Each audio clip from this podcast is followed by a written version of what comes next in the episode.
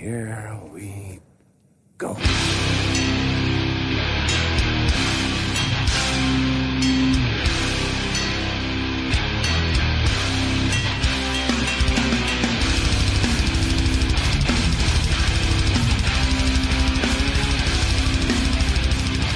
Sådär då, nere på noll, tillbaka. Vi brukar prata om att vi sitter i en studio, men egentligen sitter vi i ett kallt jävla lagerlokal. Om det pa passar bra då eftersom vi ska prata om ett kallt jävla lagerlokal, nämligen Gilman Street spelstället. Sant? Sen, Och vi ska ju säga som det är nu. Eh, vi har redan spelat in Rancid special, del 1. Vi är lite trötta, men vi ska ändå göra Hänt i veckan, feedback, det vanliga. Det vanliga. Mitt emot mig Daniel, Hej hej, tyvärr ingen Robin, jag är på distans. men vi har en gäst i studion, John Terak.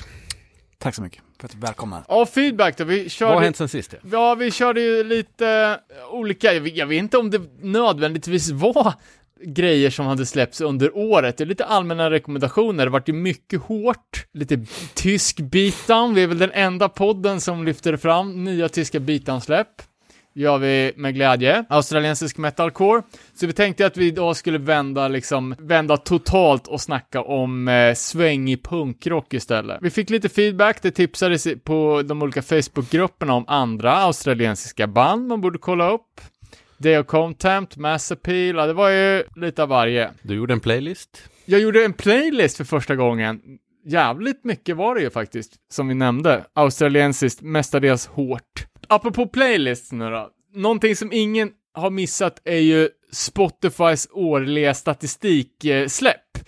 Eh, där folk eh, la upp årets mest spelade låt och så vidare. Vad folk kanske inte har kollat är ju topp 10 genrer mer populära än hardcore på Spotify. Tänkte om ni kan, kan gissa kanske, eller också så drar jag den bara. Så här, här kommer då listan på genrer som är mer populära än hardcore, och glöm aldrig att vi är en subkultur här nu.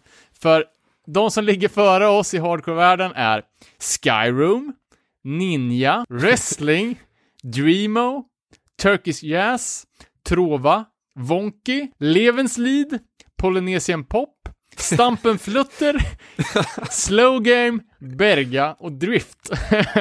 Dreamo lät ju spännande. ja, det skulle kunna vara något... Det är en blandning av screamo, screamo och emo faktiskt. Är det? Nej, ingen aning. Ja, någon drömsk elektro Och så här, dröm, drömpop har man hört talas om. Ja, men Wonky då? Har ni lyssnat mycket på Wonky? Eller Berga?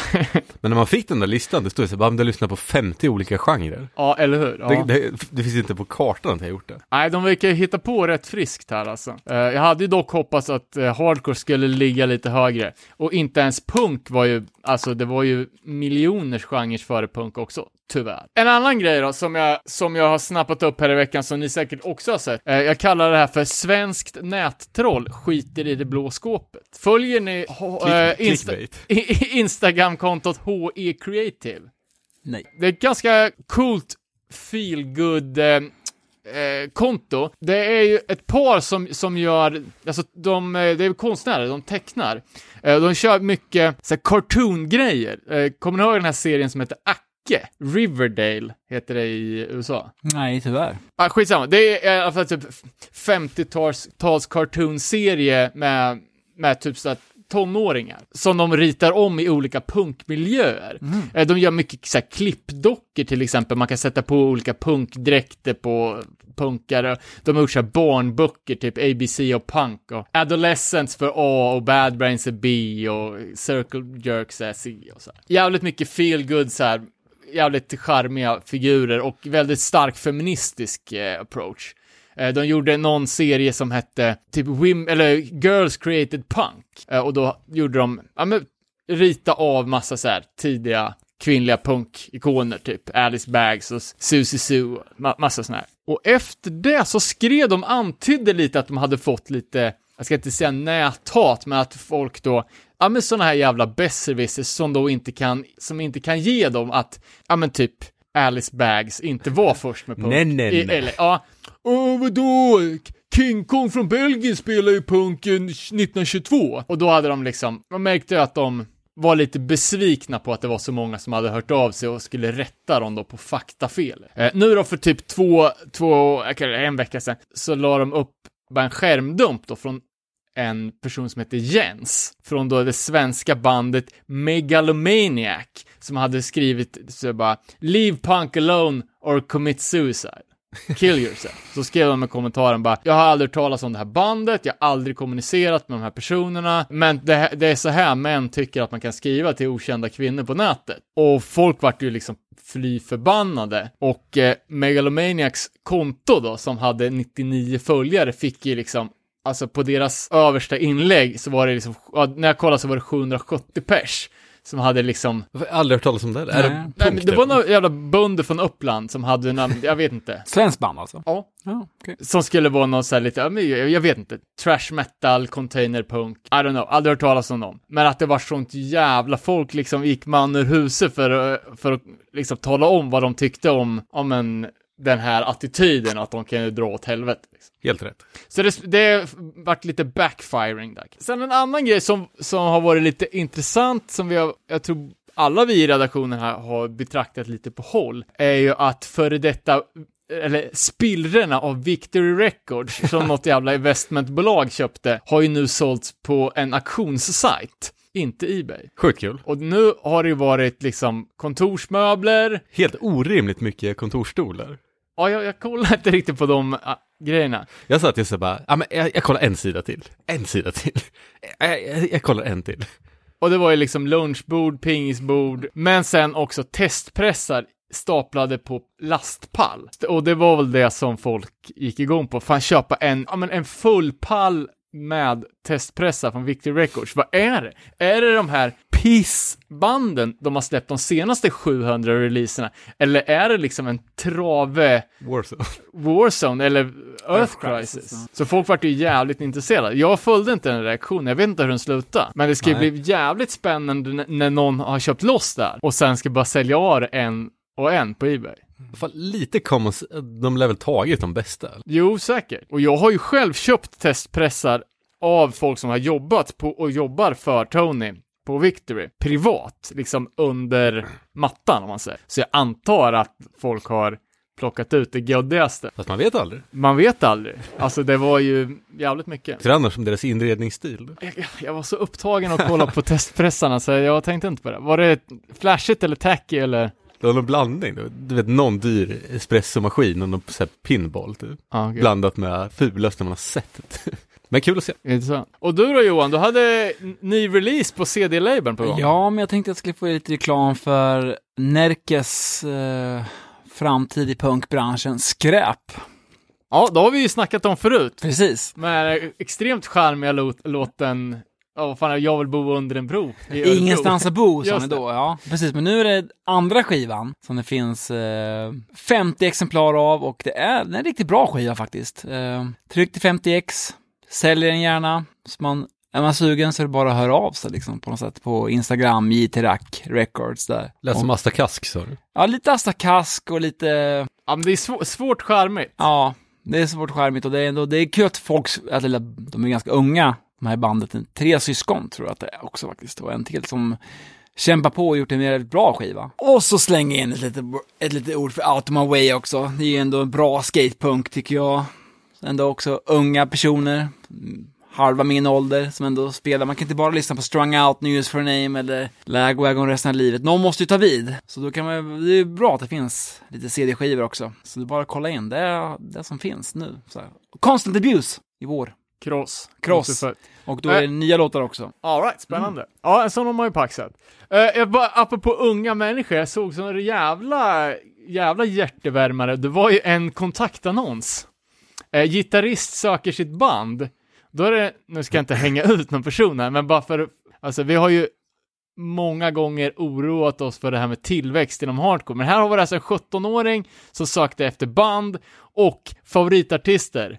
Powertrip och Gulch. Det fin- gör man det? På nätet? Nej, det satt en affisch i repan. Oh jävlar. Så det är någon i Örebro som är 17 år som gillar Gulch. Vad känn på den. eh, det är fan underbart. Eh, sen en annan kul grej som jag skrivit upp som jag glömt att säga flera gånger, men som jag ändå tycker är en ganska, eh, ja men en, en liten härlig inblick i mitt liv. Eh, och det är ju min ständiga jakt efter skivor. Eh, köpte ju faktiskt plattor face to face av en person som jag eh, mötte upp med på stan. Eh, jag såg att personen hade lite skivor att sälja på Discog, så ville jag göra en liten så här, sidan av-affär. Eh, och köpte en, eh, ja, men en, en, en bunt fina LA Hardcore Comps. Eh, och så pratar vi lite där och så säger han, Ja, nej, jag vill ju egentligen inte sälja iväg, men alltså rensa lite och sen delar det ju mycket pengar i så här, så jag sålde ju några Discord 7 här för att ta till till Finland. Jag bara, ja, jag, inte en aning, jag hade hört, jag tänkte Discord, det lät ju som en jävla E-tuna-pop. Så bara, nej, det vet jag inte vad det är. Bara, "Ja, nej men det är, det, är, det är hardcore, det är Teen Idols, SOA, jag bara på att dö. Bara, Va? Okej, Okej, så killen här då, sitter på skivor med, som är liksom genererar, det är ju minst 10 000 spänn styck. Och han vet inte ens vad bolaget heter. och det är ju då Discord Records som är, ja men Mindfret liksom. Det är de största hardcore-klassikerna typ som finns. Som har funnits hos en person i Örebro. Och som uppenbarligen inte kan eh, uppskatta dem till fullo, utan skickar iväg dem till någon jävel i Finland! Säkert skitbilligt också.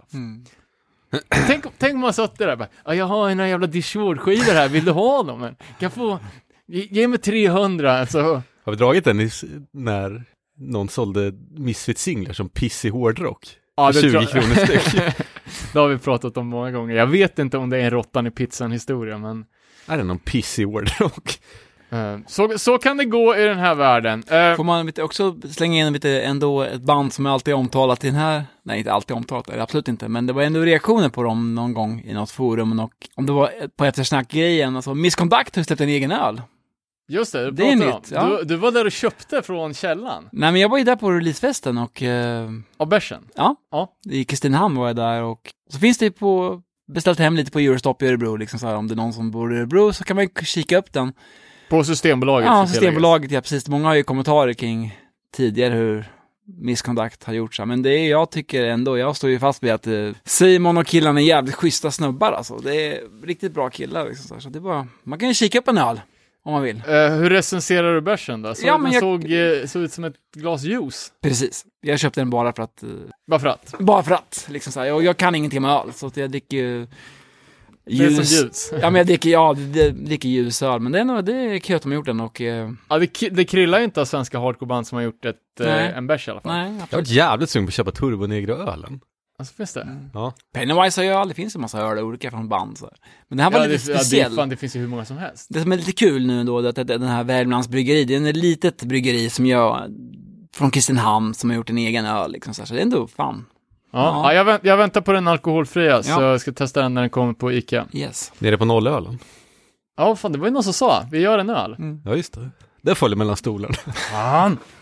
Vi får släppa en t-shirt först, som ni har lovat. Just det, den har ja. vi fan lovat. Mycket idéer, lite, lite. Ja, det, är så, det är så energikrävande att göra den här podcasten, men eh, Ja. vi, vi jobbar på matchen också, såklart. Mm. Printet är ju asfett, Verkligen. det, det måste hända Long sleeve till mig. snart. En grej jag sa då. Shelter. When 20 summers pass. Just det. Reissue. Jag har inte originalet.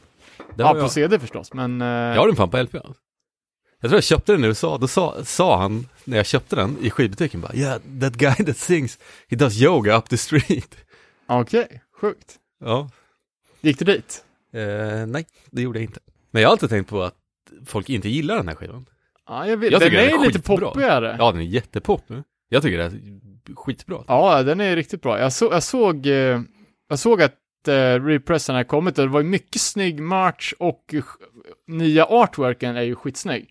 Eh, den första är ju en cartoon av, av någon, det är väl en knytnäve med en kedja lindad runt handen för mig. Gamla bandkollega Patrik Ljusström har ju den tatuerat. Men den nya var ju en så klassisk Krishna-bild med alla Vishnus åtta ansikten eller vad det är. Spelar Shelter fortfarande alltså? Ja, Det de spelar i aktiva. Stockholm Ja. Ja. Eh, pengarna väl- ska in även för, för ja men det var också någonting vi såg. Var det på Bergslagsrocken också, Shelter? Nej. Blanda ihop det lite grann med Shield kanske någonting. Det, var, det känns som jag har, sett, jag har sett dem någon gång i livet i alla fall, Shelter. Med kossan och allting. Ja, de har cool på scen ja. Ja men Det någonting. glömmer man aldrig. Ja. Ja, jag vet fan, jag har nog fan aldrig sett dem i Sverige i alla fall. Nej. Men de Ha- spelar ju Har de spelat Sverige en gång med Abinanda som förband eller? ja, i Umeå så 93. Jaha, det var inte jag. Nej. okej. Mm. De spelade ju förra året också. de, har säkert Förr, spelat, förra året. de har säkert spelat något mer. Mm. Skivan är ju bra. Alltså. Ja, generellt Ja. skeptisk till reissues, men den här tyckte jag faktiskt såg eh, fet ut. Det var ju Eh, några nya låtar också.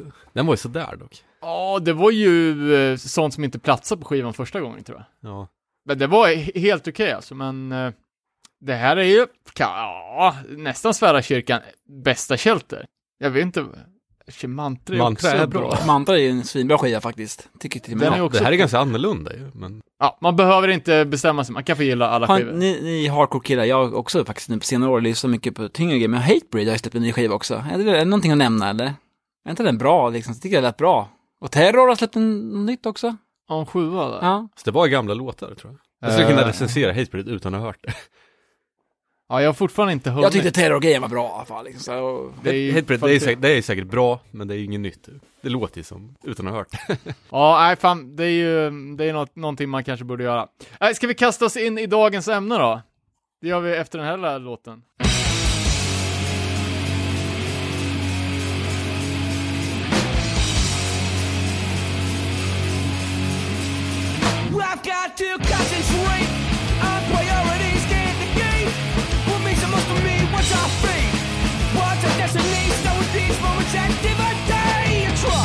I I I. What's important slips right by. When 20 summers pass and they go fast, will I look back and be satisfied? Då ger vi oss in på dagens huvudtema som kommer vara Rancid. Ytterst legendariskt band. Jag tror vi kommer fokusera på början av bandets karriär. Eh, de har ju gjort jävligt mycket grejer så att hinna med allting på ett avsnitt snitt känns som en, en omöjlig uppgift. Med oss i studion har vi Johan Terrak som är lika stort fan av Rancid som jag är av Warzone. Välkommen! tack så mycket. Vilken ära. Eh, och eh, David sitter här mitt emot mig. Eh, Rancid, bildat 1991 i Berkeley, Kalifornien. Ett av de största amerikanska punkbanden. Som ett tag höll jämna steg med band som Green Day, Offspring, men som till skillnad från de andra aldrig släppte på ett majorbolag. Eller? Eller ja, precis. Eh, det kommer vi komma till senare. KBD-headsen hatar ju såklart det här, men jag vet att det finns många där ute som håller Rancid jävligt högt. Nio album i bagaget och alla är ju bra. Och hur många låtar de har gjort. Det är så jävla mycket låtar på alla skivor. Ja, de måste ha gjort extremt mycket låtar. Eh, det sägs ju även att för varje låt de släpper så ratar de en eller två, så att är det 30 låtar på plattan så har de skrivit 60. Lite mer 77-punk, streetpunk än kanske eh, skatepunk soundmässigt, men de slog ju igenom i den stora 1994-vågen. Eh, jag kollar upp lite Spotify-statistik här för att liksom kolla hur, hur de ligger till. Så jag har gjort en liten lista här nu då på liksom de, de största independent-punkbanden. Längst ner har vi faktiskt eh, NoFX. Där, eh, strax över, eh, 32 miljoner spelningar på, på deras största låt Bad Religion. 39 miljoner Pennywise, 41 miljoner Misfits, trodde man inte. 48 miljoner, chockerande ändå, Millencolin. Eh, men störst av dem alla är Rancid med, med Time Bomb-låten som har 52 miljoner spelningar. Och kollar man på liksom de här eh, Major Label punkbanden så har vi Offspring på tredje plats, Green Day och Blink då som med nästan en halv miljard spelningar. Vad sa du, hade Rancid mer spelningar än NoFX och sånt? Ja, nästan... Och mer än Bad Religion? Ja, nästan dubbelt så mycket. Jävlar. Eh, störst av alla som jag kunde komma på uh, ens eh, försöka kolla som punk var The Clash. Uh, visserligen en rocklåt, uh, I Stay Should I Go, med 503 miljoner spelningar. Och Det är ungefär så mycket som medioker svensk ortenrappare har.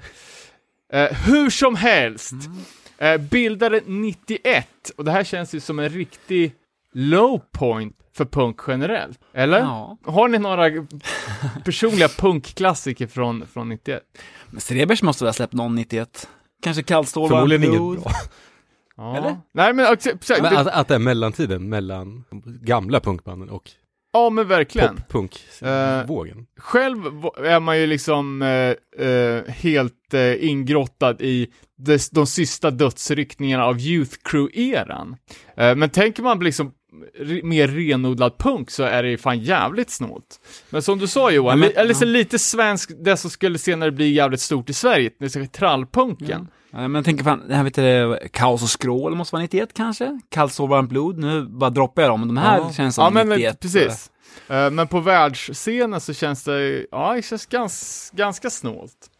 Eh, och eh, alltså mycket har väl att göra med att grungen var väl precis att Precis. det liksom bursta ut och bli den totalt dominerande musiksmaken för alla, alla ungdomar. Ja. Eh, så Men då, vänta nu, ja. När är Suffer ifrån? 87 typ. Ja, 86, 87. Ja. Så är det lite före sin tid. Ja. Mm. Men Eh. 91, är- nu hoppar jag in här bara, men Nevermind, det är 91 tror jag.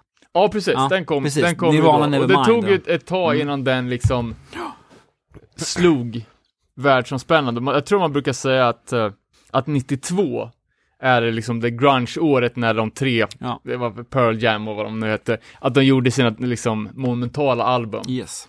Eh, Jag läste någonstans att grunge var typ den första alternativa musikstilen som blev stor.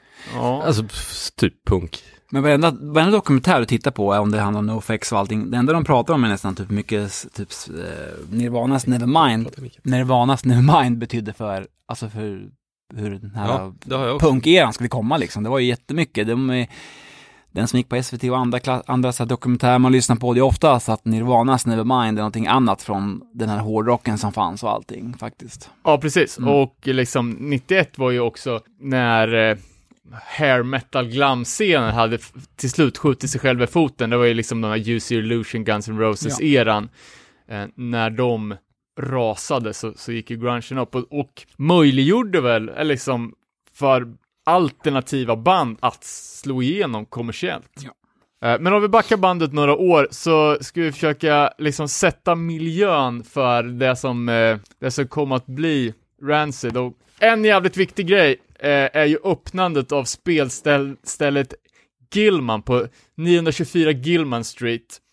Hade inte du åkt dit? Det har jag. Stått, stått och kollat på den där dörren. Kolla tog- på en dörr.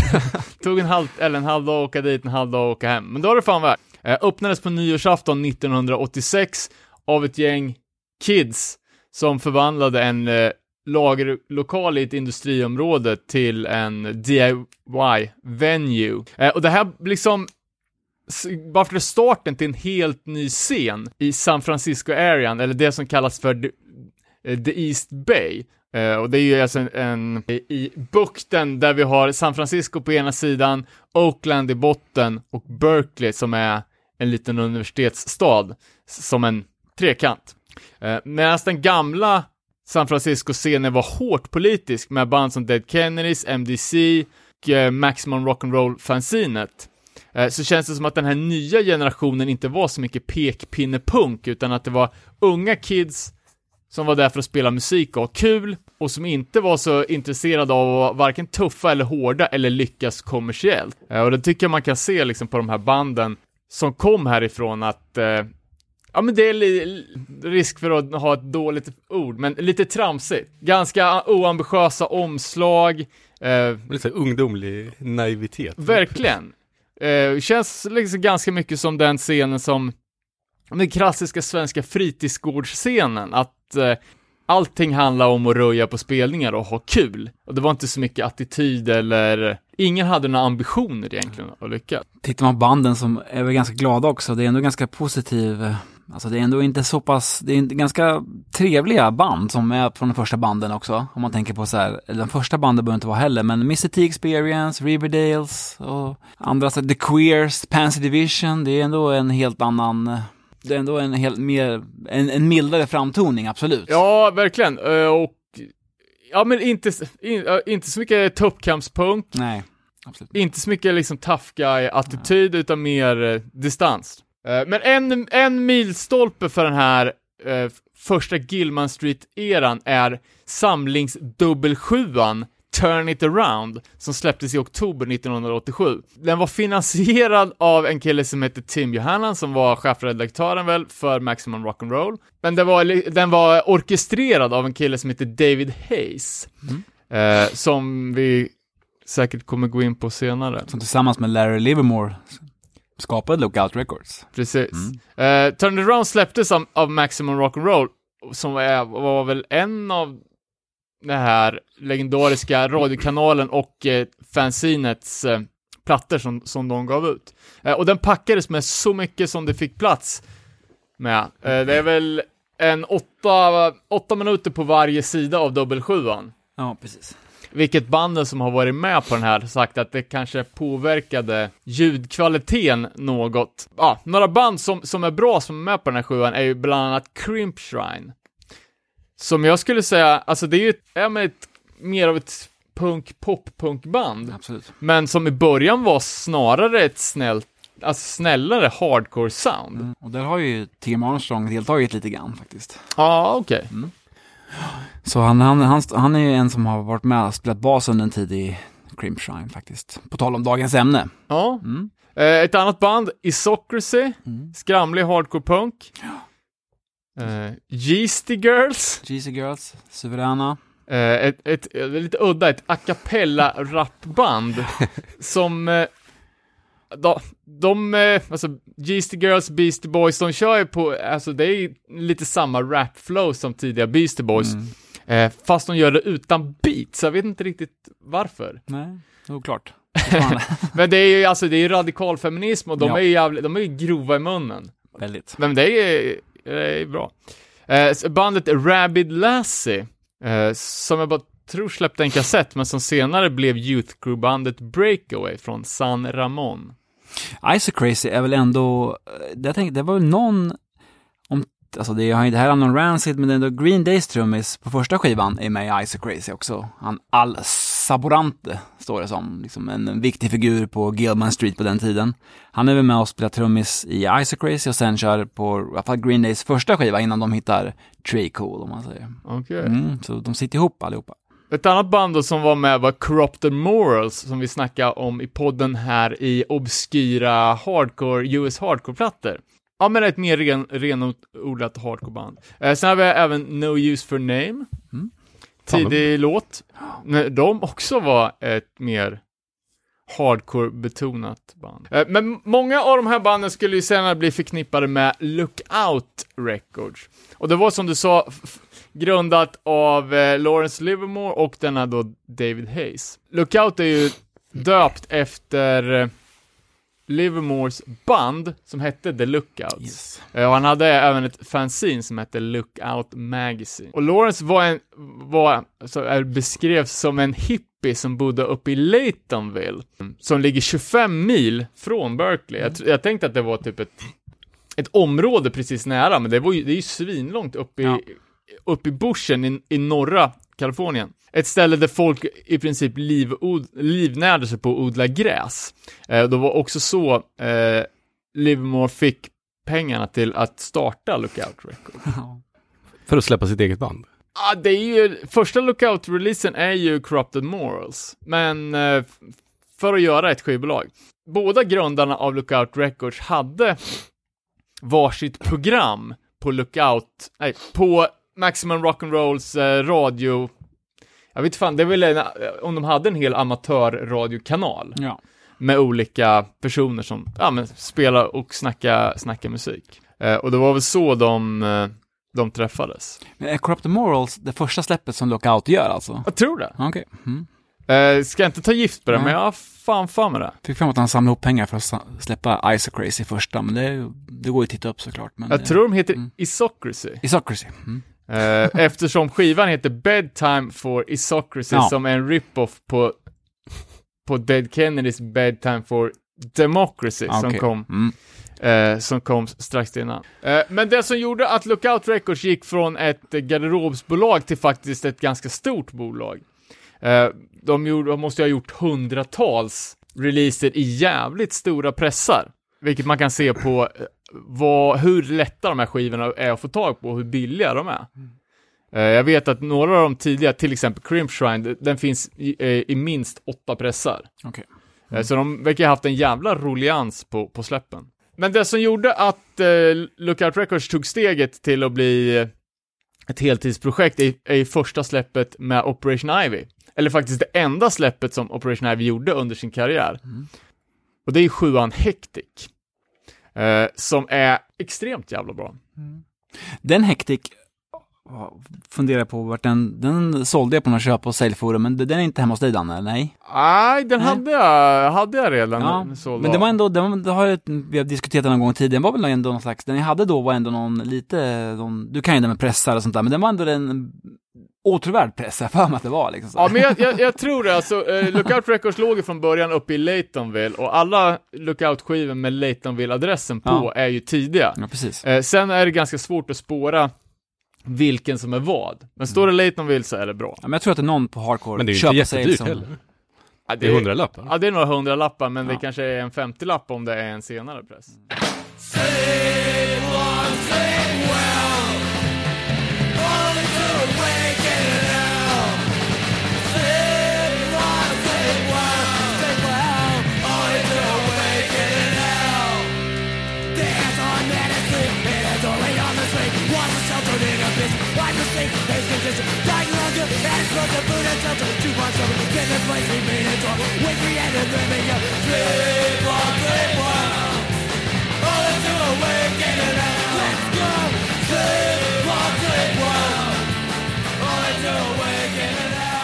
Men Operation Ivy då? Ett band som, som bestod av Jesse Michaels, eh, som tidigare hade, hade spelat med, eh, med Crimpshine under namnet SAG.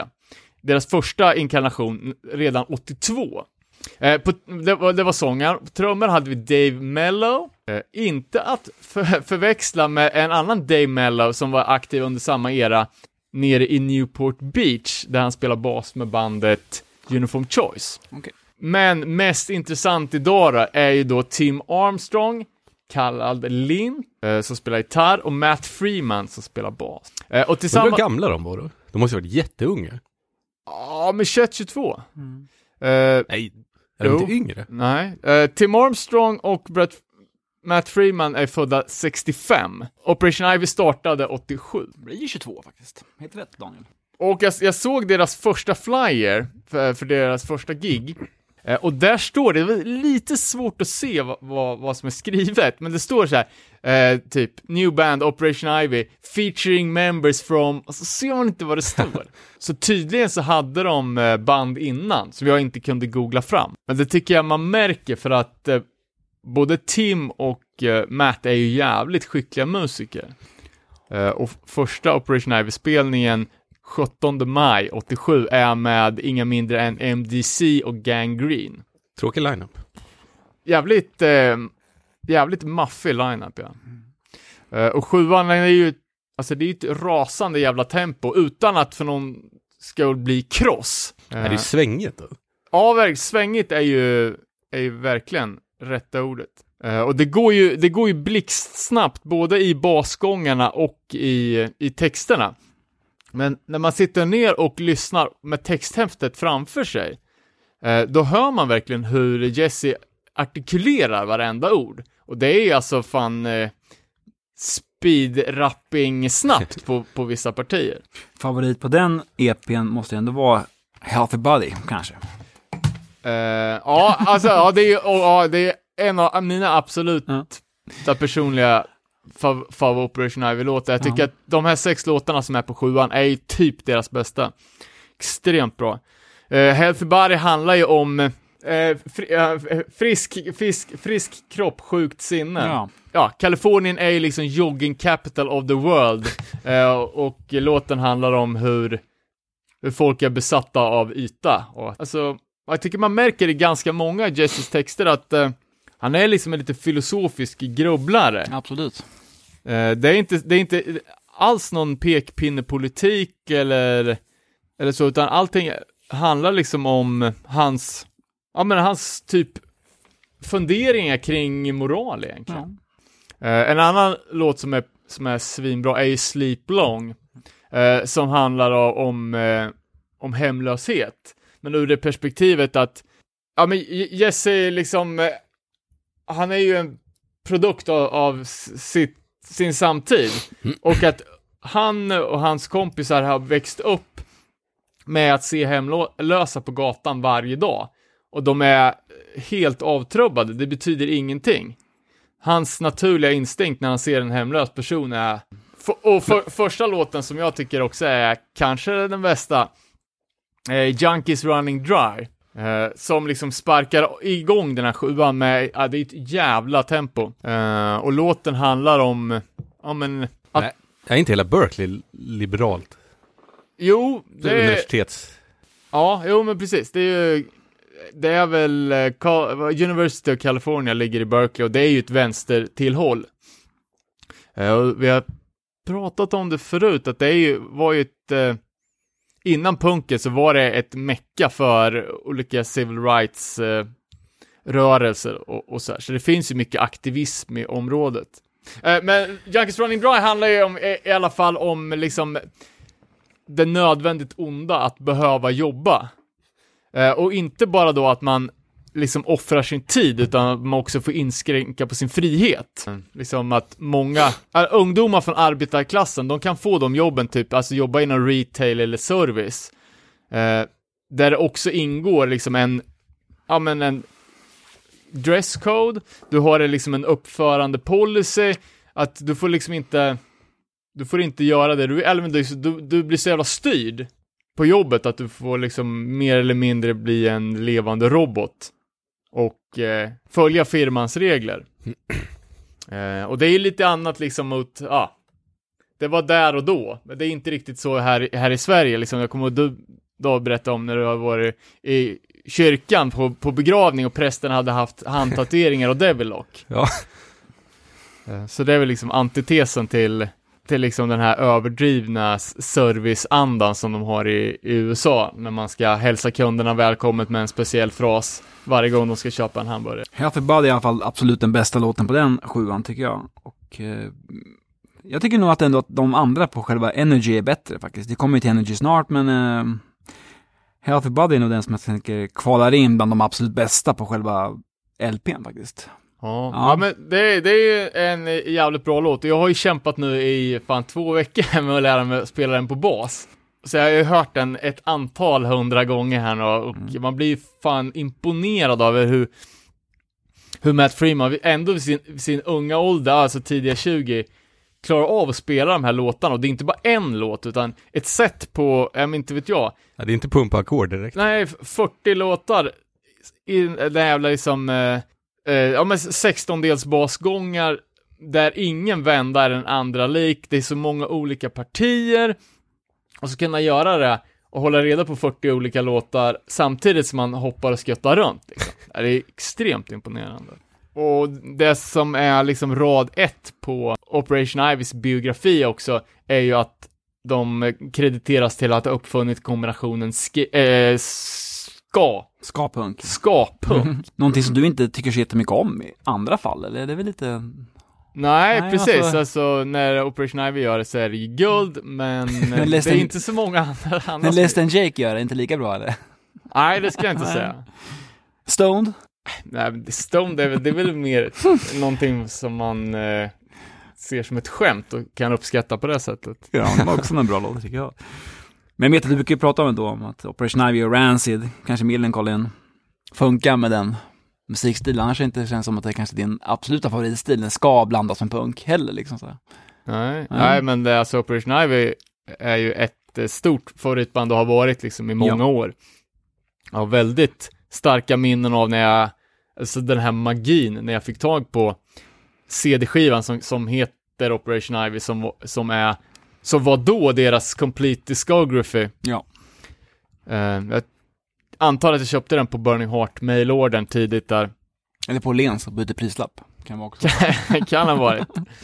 Eh, men det var ju så le- legendariskt liksom, vi visste ju att Millencolin, som var, alltså husgudarna, hade ju gjort Operation Ivy cover i form av Knowledge, Yes. Eh, så det här var liksom Millencolins idoler, du vet, det är ju liksom som, som Guds gud. och när jag fick tag på den här, jag hade lånat ett eh, Nintendo 64 av någon, någon kompis över ett jullov och hade den här nya spelaren, eh, CDn, eh, och spelade Donkey Kong Country och lyssna på den här CDn back-to-back ett helt jullov. Ja, och sen vart livet man ju- alltså. Ja, Var det Nintendo 16-bitars kanske? Donkey Kong Country, det där med... Ja, det kanske var. Ja, Det men jag tror det. 16-bitar. Ja, men jag tror man ska gå Ja. tillbaka till den, för det var nog mer den då när de kanske kom, den här skivan. Det känns som att det mer passade i att det var 16-bitars Donkey Kong. ja men det var nog, alltså, jag tror det var 95 snarare än 94, för att jag tror jag lyssnade på Rancid först faktiskt. Mm. Men även om man hör Operation Ivy idag, det är jävligt eget på något sätt. Det finns ju inte mycket band som låter så här. Nej, inte ens egen skivsamling i alla fall. Du Johan kanske har massa. Nej, jag vill påstå att det är ganska... Eh, det låter kanske som att jag borde kanske tycka mer om det här, men det är nog... Alltså det är få band som låter så här och som jag tycker kan göra det lika bra, så att det liksom... Jag skämtar lite grann om den Less, Less than Jake och andra band som blandar in skal. det är ju alldeles för polerat. Ja, Det här är ju lite stökigt. Det här är riktigt stökigt då på något sätt. Det känslan finns i hela skivan och jag tycker ändå inte att det går att hitta någonting som liknar det på något sätt. Så skivsamlingen är inte full med liknande saker. Alltså, de, här kommer, de här kommer undan med det bra och det är ju 10 av 10 som alltid skriver. Ja. Nej, men också att Operation Ivy sägs ta inspiration 50% från musiken och 50% från Rude Boy. Ja. Som de lite mer hårda ska-artisterna. Eh, och jag vet inte hur, hur vanligt det var att man korsbefruktade r- riktigt liksom, i, i sitt musiklyssnande. Så Clash tog influ- influenser från alla sorters genrer och gjorde det de gjorde. Och det här känns ju nästan som ett Men ändå med Ett- lite punknerv. Typ. ett senare, ja, jä, jävligt punk. Eh, och mina favoritlåtar är ju helt klart de som är de snabbaste låtarna. Eh, om vi går in på, på fullängdaren som kom åt- 89 efter att bandet hade lagt ner, så öppnas ju den med först on knowledge, eh, och sen är det väl Sound System, Sound System kommer tvåa. som är enligt Spotify i alla fall Operation Ivys två största låtar. Ja. Men den bästa låten, hoppa in här igen, du får säga ditt. Jag tänker alltså absolut bästa som är överlägset bäst spelade skivan är det femman, The Crowd. Alltså den är det absolut bästa. Det blir någon, det är nästan så att den letar sig in på Rancids och Operation, Operation Ivy slash bästa sju i alla fall. Där ligger The Crowd i alla fall. Fantastisk låt. Ja, men det är ju, det är ju i princip bara hits. Mm.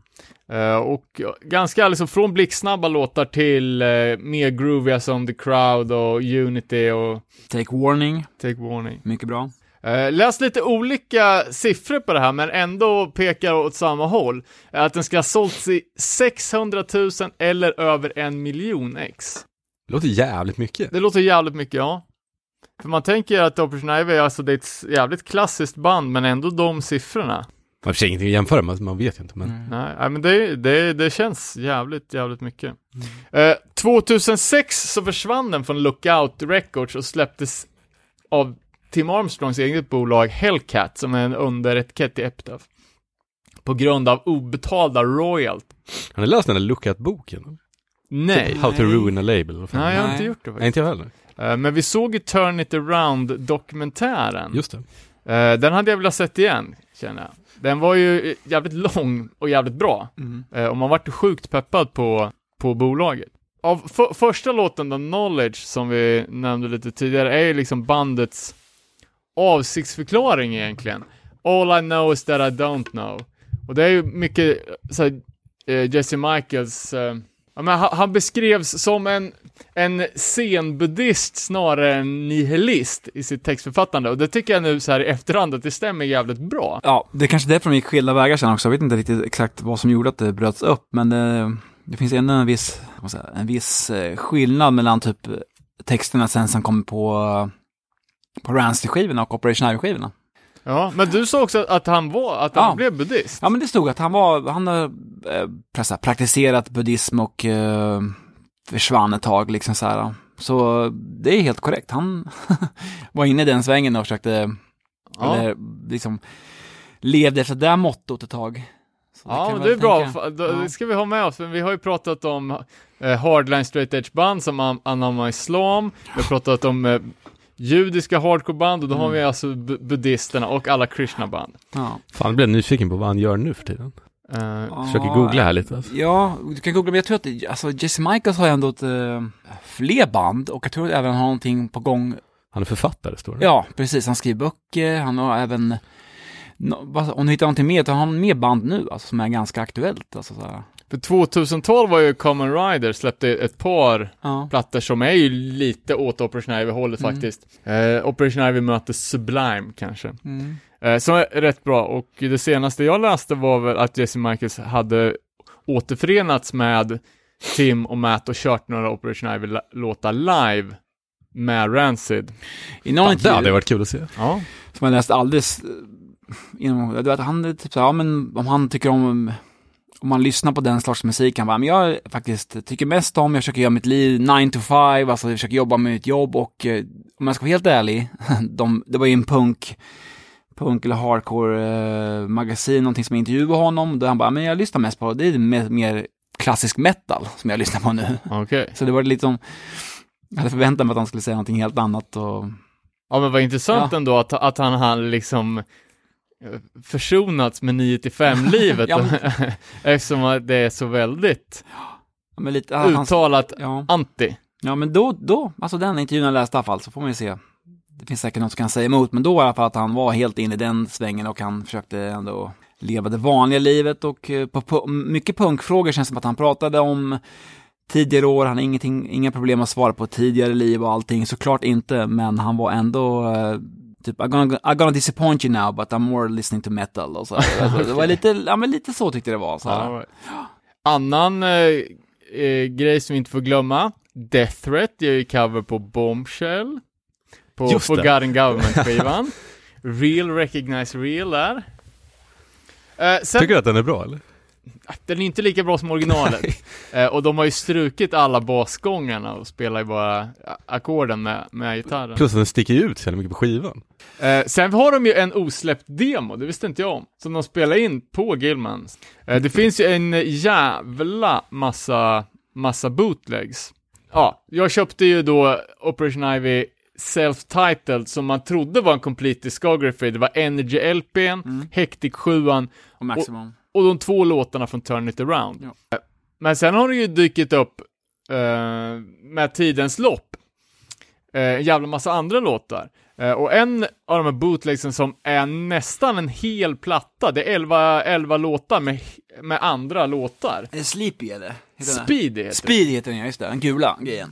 Precis. Eh, och det tror jag är en sammanfattning på, på de andra bootleg-släppen. Mm. Eh, för då är det ju, till början så är det liksom eh, rough mixes på hela Hectic-sektionen, alltså när de spelar in första sjuan. Eh, och sen är det eh, typ fem låtar från den här osläppta demon, och sen Ja. lite live-jox.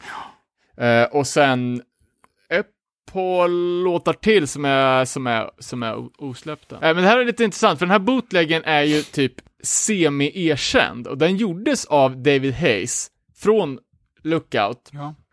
Eh, Och efter att han bröt med Lookout så startade han sitt eget bolag, Very Small Record. Men alltså, jag har sett lite intervjuer med honom nu och läst lite, han verkar inte 100% skön om jag ska vara helt ärlig.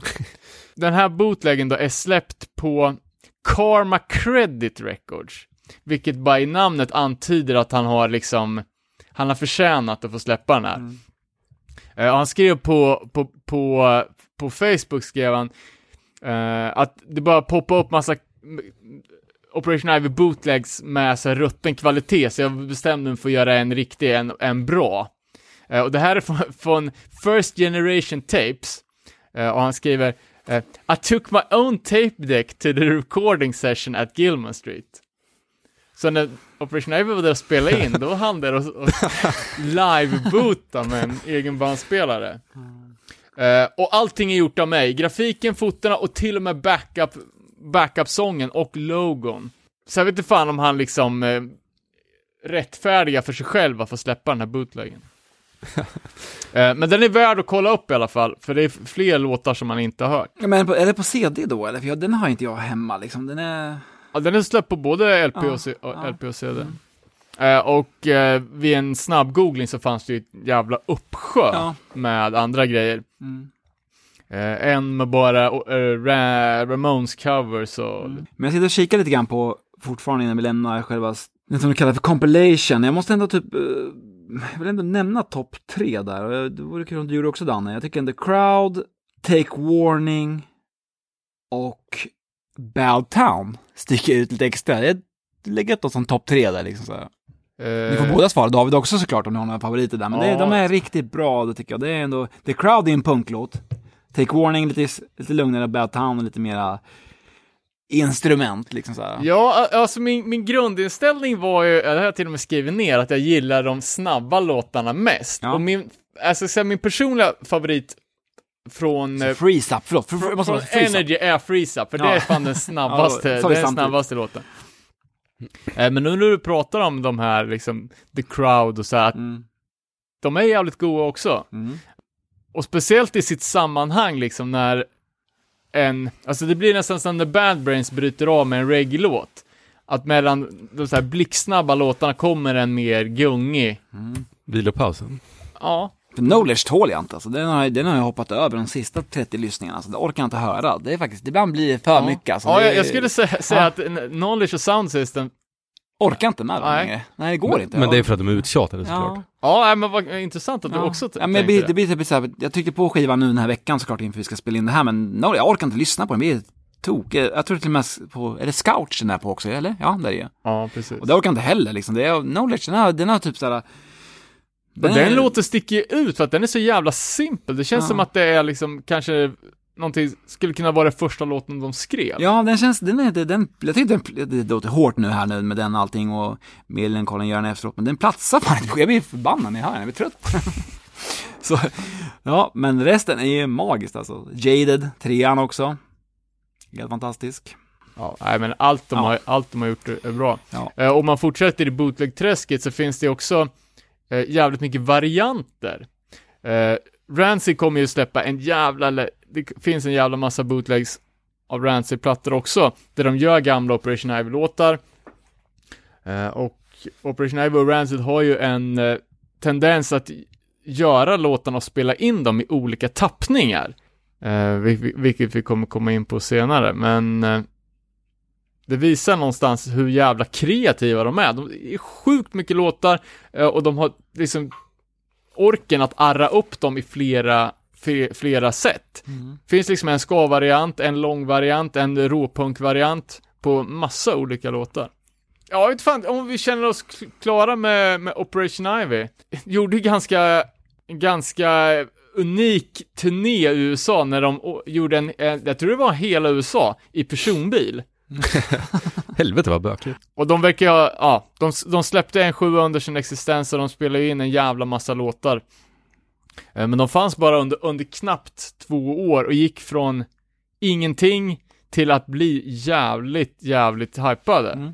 Vart de än spelade så var det slutsålt och jag vet inte hur det kan vara en anledning till att lägga ner, men det nämns ofta som som eh, anledning att de var liksom inte mentalt kapabla att ta emot framgång. Det vart för mycket ståhej liksom. Lite som Gloss gjorde på... sleta lite på relationen och turnera i en personbil. Ja. Jo, och, ja, precis. Jag får också känslan att Jess Michaels är ganska annorlunda av Tim Armstrong också i hur de är som personer. Alltså, det är lite så att det kan vara på den tiden. Alltså, Ja, men jag- någonting. Jag, giss, jag gissar också på att det är Jesse som, som, som var, för det står ju också liksom interna konflikter. Ja. Eh, för alla andra bildade ju sen efteråt bandet Downfall. Ja. Som jag hade glömt bort lite grann. Ja. Men den, den, och den faktiskt, det jag pratade med dig Danne häromdagen, att jag tänkte den sjuan, den där gula grejen, den, den står i Rancid på. Och omslaget där står i Rancid på. Ja. Men det är den där North Berkeley och, eh, eller No Berkeley heter den på skivan och sen är det väl Long Way To Go. Precis, jag, jag, tror, jag tror de spelade in eh, en handfull låtar, och jag vet inte vad som är släppt, men den sjuan som jag fick av dig, det är ju en bootleg. Ja. Och det, alltså de har slängt, slängt på en Rancid-logga på Downfall-låtar för att kunna sälja dem. Mm, Alltså, ja, precis. Och Let's Go-kort, det är väl typ baksidan på Let's Go som är framsidan på den, liknande någonstans står med ja men ja, exakt, det är ju ett klint, Ja. och det är ju det är också ett, eller ett foto på Rancid liksom. Svincoolt, kort Eh, liksom så. Och det här var ju Operation Ivy fast med Tim som sjunger. Ja.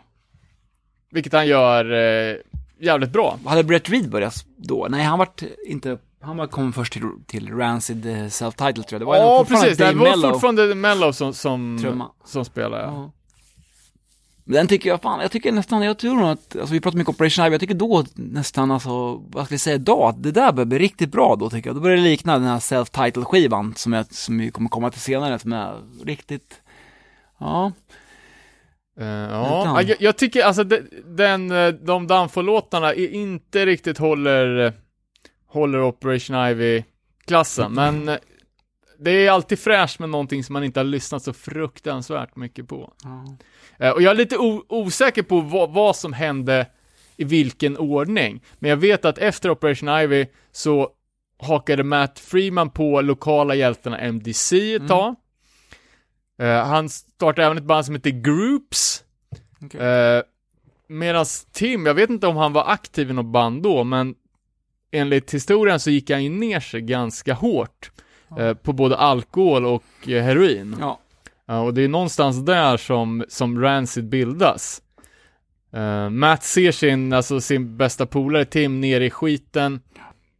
Liksom ger honom ett erbjudande att jag ska hjälpa dig att ta dig i kragen och så startar vi ett nytt band. Ja, och han, jag, vet, jag tror också att det är, alltså att Tim, han åker, oh, fan får kolla på skivan här, det är någon han beskriver hur livet var då, hur han ändå åker in och ut, på, eller han har talat i alla fall, han efter han har klarat av sig, nu har jag varit, säger han till Matt, nu har jag varit eh, drogfri i sju dagar, eller 14, jag kommer inte ihåg, någon får kolla upp det, men då kan han typ på något sätt eh, då är Matt upp med öppna armar igen att han ska kunna starta någonting nytt om man säger. Jag tror han ändå får prova liksom med att eh, det är ändå Tim Armstrong som kommer tillbaka med att ha varit, eh, beskriver sig själv att han har varit inlagd och kommer tillbaka.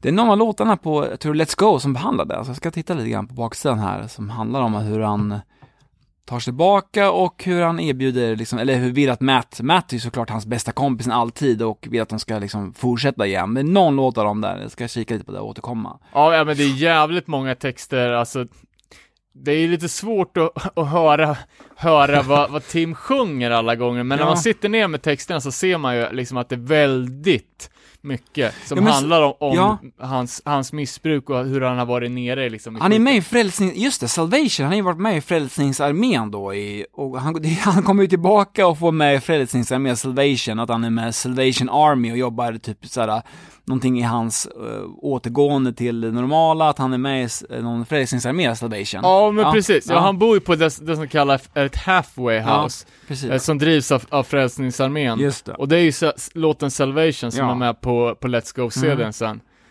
Som handlar om det att han får bo, han får bo hos Frälsningsarmén och eh, jobba med att, att samla in vitvaror och Ja. möbler från de fina kvarteren för att distribuera i de fattiga kvar- kvarteren. Ja, och det här nya bandet då som Matt och Tim startar är ju Rancid och det gör de tillsammans med ett 19-årigt skate kid som enligt den här texten inte ska ha varit någon vidare på trummor. Men en jävel på att skejta då. Ja, precis. Ja, det Eller var ju karisma, karisma, karisma, så det sjunger om det. eh, Brett Reed som var sex år yngre än de andra rutinerade mu- musikerna, så Operation Ivy var ju legender i East Bay, säkert i hela USA. Eh, jag hittade inget tidigare band på honom, jag vet inte om han har pysslat någonting. Men han verkar ha varit en jävla kung i alla fall. Eller hade han rika föräldrar? Ja, Han det- beskriver sin barndom som, han, i någon intervju, de andra har ju lite Tim, en viss beskrivelse, det kanske kommer in senare, men Brett Reed beskriver sig bara, men min bakgrund var, det, alltså, hoppa mellan två, två olika familjer, eller familjer liksom, så här, pappa var skild, mamma var skild, så att han var också, han var lite sökande efter någonting också, så här, inte involverad i någonting innan Rancid heller, Ah, som du säger. Vilken jävla, det är så drömerbjudande. Ska jag haka på, liksom. Alltså någonstans så skrev jag bara I was a roommate with Tim. Jag vet inte vart de var roommates då, men det är någonstans så, I was a Ah. roommate with Tim och han gillade liksom mig. Ja, okej. Ja, och sen jag kunde inte trumma någonting, den första början var det jättesvårt. Och sen liksom, ja. Det är så man ska starta band. Sköna snubbar över, Ja, över över talang. Ja, Ja, jo men vad tänker ni när, de, när de andra liksom är så, så jävla bra? Nej men det är grymt. Ja. Eh, och de släpper ju ganska snart en sjua då, återigen på, på Lookout Records. Och det här låter ju ingenting som Operation Ivy. Nej. Det är en riktig, alltså, En punkplatta. ja, men att de, de hade ett koncept som verkar gå extremt bra. Det gick så bra så att de var tvungna att lägga ner bandet. Ja. Startar de något nytt och då gör de det helt tvärt emot. Det gillar man ju också lite. Ja, visst. För den sjuan är ju riktigt jävla bra, som är... I'm Ja. not the only one och Battering, battering Jam. Heter det? Ram tror jag. Battering Ram till och med. Men det är ju liksom, ja, sjuan kommer 92, det här var ju under full blast grunge-eran. Och trots att idealen liksom någonstans är, är detsamma med, med oberoende och att man, alltså, det är ju independent, så är ju liksom gr- grunge-stilen är ju liksom nästan en antites till den traditionella punken. Med, ja, med, med, med, med tuppkam och precis, ja. liksom att Bara man ser omslaget, det är så långt ifrån grunge. Ja, ja, ja, verkligen. Ja, det här är ju liksom något helt annat. Och det låter ju modernt, det är hårt, men absolut inte lika hårt som råpunk.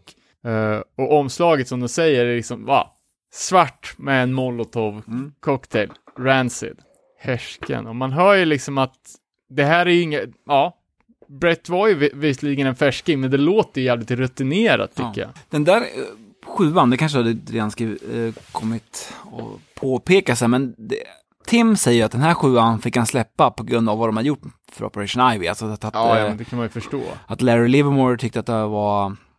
Han fick, de fick släppa den på bolaget egentligen, men egentligen sa han att ja, han tyckte inte om Rancid. Okej. Så Det var han- för hårt eller? Ja, men det var någonting med det. Han bara, jag fick den som en kompensation för det jag hade gjort för Lookout Records med Operation Ivy. Hur vi hade fått dem till liksom så här, blivit... Ja, men vad hade vi gjort för dem? Och sen egentligen så ville de inte släppa oss. Vi fick den sista, det var det sista vi gjorde också. Då var de inte intresserade av att fortsätta med oss då. Okej. Innan, sen var det, skickade de ju, det kommer, det kommer, vet jag, snabbt fram, men sen kommer jag skickas ett band till Brett Gurwitz. Men Opera- Lookout Records var inte intresserade av att släppa egentligen. Det var som en gentjänst. Ja, okej, jag förstår. Ja, så Operation Ivy gjorde ju natt och dag för, för Lookout Records. Ja. Det var också lite intressant där de snackade om att inte släppa så här, för att eh, Green Day som var ett av de, ja, ett av de, de var med i första vågen av Gilman, Gilman-band i alla fall. Men de fick ju inte spela där från början. Nej. De var ju verkligen tvungna att tjata in sig.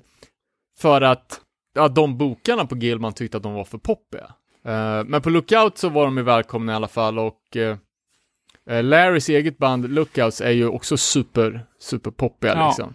De flesta band på Lookout är ju ganska pop-punkiga. Ja. Alltså. Men den här, den här sjuan, den, den sticker ju ut i Mm. Lookout-katalogen som Absolut. jävligt hård. Den är ju mörk och låtarna är förhållandevis långsamma ändå. Mm.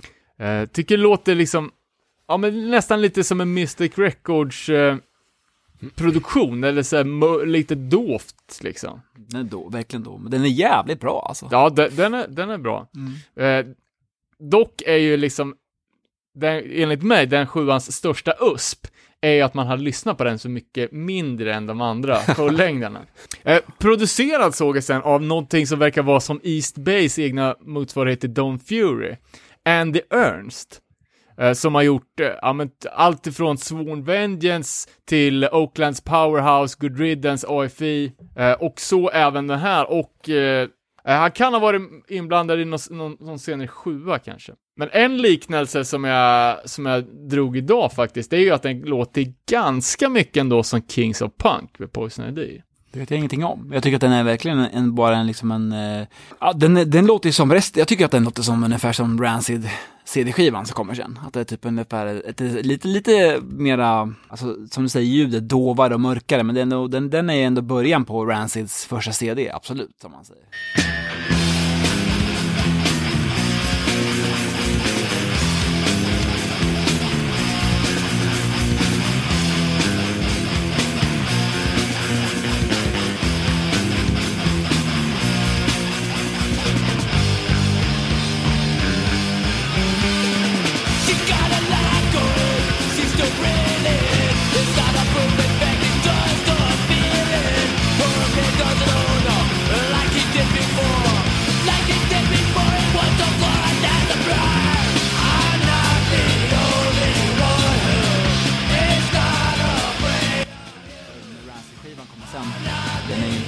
Ska med sig då, liksom, eller någonting. Nej, det är, no, det är noll ska, men eh, dock så har den ju både marang, maracas och kongas. Eh, Vad är det för låt? Ja, jag vet inte. Eh, De ligga ganska lågt i mixen, men de har eh, på Rancids eh, insearch är ju jävligt, alltid handskrivet superplottrigt, men någonstans så står det där listat vilka som var med på skivan, och då står det ju typ två namn som har spelat Maracas och Congas. Eh, och, och det här är ju då Rancys självbetitlade platta som kommer 1993 med 16 låtar, och den startas ju med ett jävla riv. Den är så jävla bra tycker jag. Alltså, jag måste säga, tittar man är som fan och klart man ska berömma dem. Det är ju en riktigt, riktigt Men det är också ganska kul att den här skivan öppnas ju med ett Let's Go, Mm. som är namnet på skivan som kommer efter. Ja. Det är, alltid, det är festligt också med de här posters som de har i, med de här olika spelningarna de har haft. De har alltid, varenda skiva har de ju en massa olika bilder på Gilman Street-spelningar med Rancid, Green Day. Det är någon kväll som jag önskar att jag hade varit där. Det är någon så här med? NoFX, Jugged Revenge, Rancid och Lagwagon. Fredag den 13 mars. Vilket år vet, det står inte riktigt, men det är ändå så här, det var ändå The Offspring, Rancid. Det är ju stora spelningar som har varit på Gilman Street. Ja. Om man tittar på, på banden hur det har gått för dem senare i... Ja men historien. precis, alltså det var ju, det var ju lite tunnsållat bland de renodlade punkbanden. Många av de banden som skulle bli stora i 94-vågen har ju liksom det här skatepunk-soundet och Ja. det var ju de banden som fanns. Men det var ju jävligt snålt med liksom klassiska tuppkampsband Ja. och så. Alltså jag gjorde en riktig grävning, jag hade fan skitsvårt att hitta. Jag tyckte, jag, jag måste, det är lite avstickare, men jag lägger in det mitt i allt här nu. Jag tycker att Rancid gav en liten identitetskris till, eh, kanske, jag vet inte dig Danne, men det var ändå så att typ, de hade ändå typ eh, stilen som var 94, bland eller 93, 94, 95, hur man skulle, typ såhär, hur man skulle, ja, det får man välja själv såklart, men hur, liksom hur de banden såg ut i övrigt, så var det ändå liksom, för jag minns även Millencolin någon gång att det var så här, ja men vi är softcore, alltså det var, det här, de här var jävligt punk alltså, det var ju nästan lite, skivan kom på Epitaph Records, den kom ju typ i samband med Pennywise och Tenfold Pole och alla de här som jag älskade. Men så var de så jävla punk på baksidan alltså, det är liksom så här, fan det här är ju, då hade det ändå varit en tid innan man tyckte om att Birdnest hade sin stil och det var punk och sen var ju ändå Burning Heart någonting som var skatigare liksom, Eller, någon, någon absolut. annan stil. Ja, jag, jag håller su- Ja, super Men med. om Pennywise handlar om, det är ju skate. Keps och t-shirt. Absolut. Och jeans. Ja, ja, och- nej men det är, det är superstor skillnad. Det är, Jag vart ju helt ja. för, för, nästan lite förvirrad. Var han först med den här streetpunk-mössan? eller? Ja, säkert. Nej, men, men alltså, precis att, att du sa det med, med identitetskrisen. Ja, ja. För, för det är liksom, jag kom ju från punk, jag lyssnade på svensk punk först. Eller liksom, först lyssnade jag på metal, men när jag började lyssna på punk så var det ju svensk punk. Ja, KSMB, Asta Kask, Strebers. Sen så kom, och Kung Pung också, ett tidigt favoritband. Men, ja. Sen, sen när, när de andra liksom, alltså de andra trallbanden blev stora, alltså Karta 77, Coca-Cola, det, det ratar ju jag liksom, då, då vill jag inte lyssna på punk längre. Då börjar man ju lyssna på det som skatepunk eller de hårdaste banden på Burning Heart. precis. Och de här liksom mer, inte fan trötta tidigt 90-tals svenska banden, det var ju, man tycker det var så jävla gubbigt och sämst. Men sen så några år senare så kom ju Rancid. Och då får man den här punkpeppen att Ja. bara fan det är, alltså, det här är så jävla coolt och så jävla bra. Ja. Det är så långt ifrån kilt man kan komma. Ja, är det det? Jag vet men jag, jag, jag tycker att, alltså, ja, Kilt, jag vet fan. Men jag, jag tyckte ändå att det var, vet du det, jag är inte som dig Dan, jag tycker om Katta 77 och ah, Coca, de här som du nämnde, Coca-Cola, det tycker jag fortfarande om, sånt där. Men det var ändå någonting som kom, när de, de, de såg ut så här på bilden, så här, okej, släppte på Epitaph och resten såg ut som så här, Pennywise, Ten for Pole, det var ren skatepunk, aura med keps och allting och byxorna. Men det här kom, jag, fan, jag, jag såg mig själv i den här fotokatalogen, jag var tvungen att göra en research. Jag har fan jävla rutiga brallor på mig nian alltså, och riktigt jävla hår, alltså jag hade aldrig vågat ha dem. Det här har jag ändå, det var någonting med det här, de här var ju punkare liksom Ja. såhär. Någonting som egentligen typ såhär, som annars bara, "Ja, men det här är inte, det här är inte typ, det där är punk, Karta 77 var punk, eller Coca-Cola var punk. Men så var ju typ såhär, innan folk insåg att hardcore fanns också, så var ändå typ, man sa ju då att kanske typ No Fun All var hardcore också. Det här är länge Ja. sedan, vi snackar alltså när vi var barn, alltså då var det, det var nästan att man, de ville dela på det lite grann, men ändå liksom, jag, vet, jag tyckte det var skönt att Rancid kom och såg ut så här alltså. Ändå, Ja, så här, nej men och, också att det här är ju en tid in, vi var jävligt unga, Ja, liksom, och eh, informationsinhämtningen var ju, den var ju sparsmakad liksom. sparsmakat. helt Men klart. om man tänker den svenska punken som fanns då, det var ju liksom, fan, band som, inte vet jag, Attentat, det var gubbar som har spelat punk redan i 20 år, de har växt upp, de är liksom, de ser ut som alltså, jag vet inte. Lika, lika spännande som Wilmer X liksom. Ja. Det var ju bara ett, eh, några, några trötta gubbar i jeans och t-shirt. Absolut. Det kändes ju noll punk. Ja. Och liksom, Ja, men går man på högstadiet då, det de var inte så jävla, man, det var inte så jävla coolt då. nej men och Asta. Kask och Strebers såg inte heller, alltså det var ju någon konstig liksom med det hårsprayshåret Mm. och, jag vet inte fan, scarfs och, och grejer. De såg inte ut som, som man ville att de skulle se ut heller egentligen. De här såg fan ut som något jävla... Liksom läder, läderbrallor och boots Ja. och eh, jag vet fan, det var mer glam, glamrock nästan på, Ja, på de svenska banden. Helt klart. Och Lyckliga kompisarna också. Stor favorit för mig det också. Det var ju Martin här, de var inte heller så, det var ju också så här. Ja men han är ju mattelärare Ja. liksom, I Sala nu. to- torraste i, Ja. i Sverige liksom. Så det, blir en, det var någonting speciellt med det här och jag tycker att det var ändå in, in eh, fan man är ung då, och det man är lätt påverkad såklart, men det var ändå någon jävla, vet du man varit lite, vad ska man säga? Imponerad. Ja, men imponerad samtidigt som att det varit lite, varit lite kaos i hjärnan också. De kom och eh, med de banden, så, ja men spelade med Rancid och Pennywise, så Rancid var så jävla punk alltså. Coolt på något sätt, också samtidigt som att det var man eh, hade jobbat, eh, för jag lyssnade också, det jag hade inte någon prestation, jag lyssnade jättemycket på de här Strebersbanden och Katta 77 och dylika kompisarna. Och det var ändå någonting nytt i samhället, du minns hur det var då ju. Att man liksom, Burning Heart-banden skulle vara, det var någonting fräschare med skateboard och allting. Så, men jag tyckte ändå om, att jag, jag njöt mycket av att det fanns, att Rancid ändå går tillbaka, för jag vill ändå koppla ihop det hela om man säger, liksom att det var, att det fanns ändå en, det här var ju ett punkband och de andra spelade också punk. Liksom, så här, man ska inte typ såhär skilja, nu är vi en sån softcore-gäng som är, tänker inte på Millencolin just, men att man många andra bara, men jag lyssnar inte på punk, vi lyssnar på någon... Ja, nej, ja, men jag tycker det var skönt att det fanns ändå, för det var ju ändå punkrock. Det handlar om liksom, alltså Barry Legion var ett punkband och det är där de häm- hämtar sina, liksom, Nej men ja, man såg det inte riktigt på, på, på det sättet då. Man Nej. hade inte den, stora bilden direkt. Det var för, för, lite förvirrande tycker jag, när Rancid såg ut som de gjorde liksom så här, och en low pipe tough och man trodde att allting var skatepunk liksom så här. Men det var jävligt, eh, jävligt pepp i alla fall. Absolut. Eh, och den här skivan, alltså den är ju, den är ju, det är upptempo jämfört med sjuan. Eh, det är ett jävla drag och framförallt så är det som, nu har de ju, tillåter de sig själv liksom att eh, kanske köra med lite bredare penslar ändå. Eh, Tims verser har ju sån jävla, jävligt sv- svårt man förklara, men det är väldigt dynamisk sångstil. Alltså väldigt olinjära sångmelodier.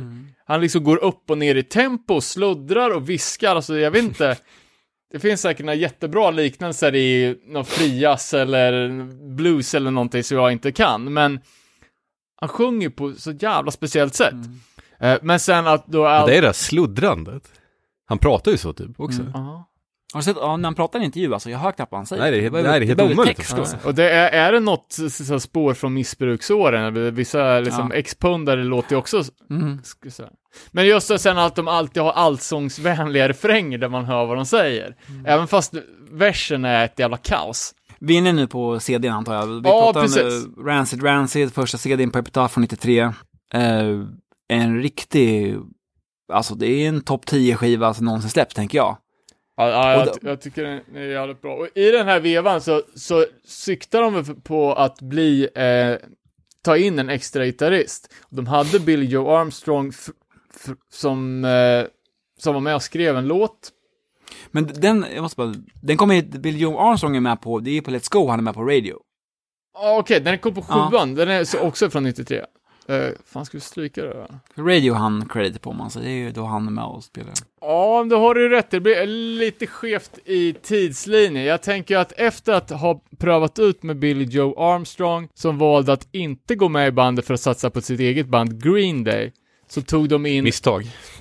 Lars Fredriksson på andra gitarr, och han är inte med och spelar på skivan, men han gör ju sin entré i bandet i videon, som är från den andra låten på skivan, Hyena, där han i öppningsscenen hoppar in som en clownen i lådan, och tillsammans med, med Tim så blir ju han och Lars liksom, ja men påfåglarna som står längst fram på alla pressfoton. Punk Twins. Precis, med, med eh, Tims tunna spikes och Lars Moikan eh, så tar de ju över liksom, ah, i alla fall alla, alla intervjuer, alla bilder, Ja. så står ju de längst fram medan Bratt och Brett och Matts nedtonade stil, de, ja, de är bara där som små De får sitta i bilen bakom. kungsfåglar längst bak. Eh, Eh. men den videon, Aina, är ju jävligt bra. Den öppnar ju med ett basintro där Matt Freeman får liksom briljera med sitt jävla fenomenala basspelande. Sen är det ju Tim Rap-flow på sången, ta mig fan. Eh, och sen en, en skitstark refräng. Rancis, för mig, absolut Rancis bästa låt. Ja, Faktiskt. den är ju ex- Ja, ex- extremt är- bra, extremt coolt video. Och man ser ju också hur, hur Brett skater i videon och gör slappy lip slide på någon curve där och, och de lirar, det ser ut som de lirar i någons pojkrum typ, Ja. under en så här bunkbed. Jag läste någon intervju eh, med Brett när han pratade om Rancid. Ja. Eller, eh, och hade sagt att jag, jag släpper det här, men ni måste byta namn. Rancid är skit. Jaha, okej. Ja. Va? Brett Gurwitz, jag vill inte ha det namnet, nej. Och typ Tim har stått på sig bara, va? Det här är ju skitcoolt. Ja. Det här är punk. Bara, Ja, nej, nej, är nej, ju- ni måste byta namn. Fan, det finns ju mycket sämre bandnamn som har kommit undan. Köttgrottorna. Till exempel. Nej, men han, det, som du säger, han sa ju också verkligen, det här är en kassett, det är bland det bästa jag hört. Så här, jag vill höra verkligen mer, jag kommer, kommer jobba mer, men ni måste byta namn. Så här. Mm. Helt, också läst den. Men det sket de i. Ja. Eh, och i den här videon så ser man ju flyers eller affischer på två andra kontemporära punkband. Eh, och det är ju liksom, ja men New York-gäng som är eh, en eh, motsvarighet i alla fall i, i nya, nya mer punkframtonade band. Och det är ju Born Against och sen framförallt Nausea som, som är från, eh, från New York. Som eh, är väl ett av de få liksom mer eh, renodlat punkbanden som, som vi, vi kom på från, från den här tiden i USA.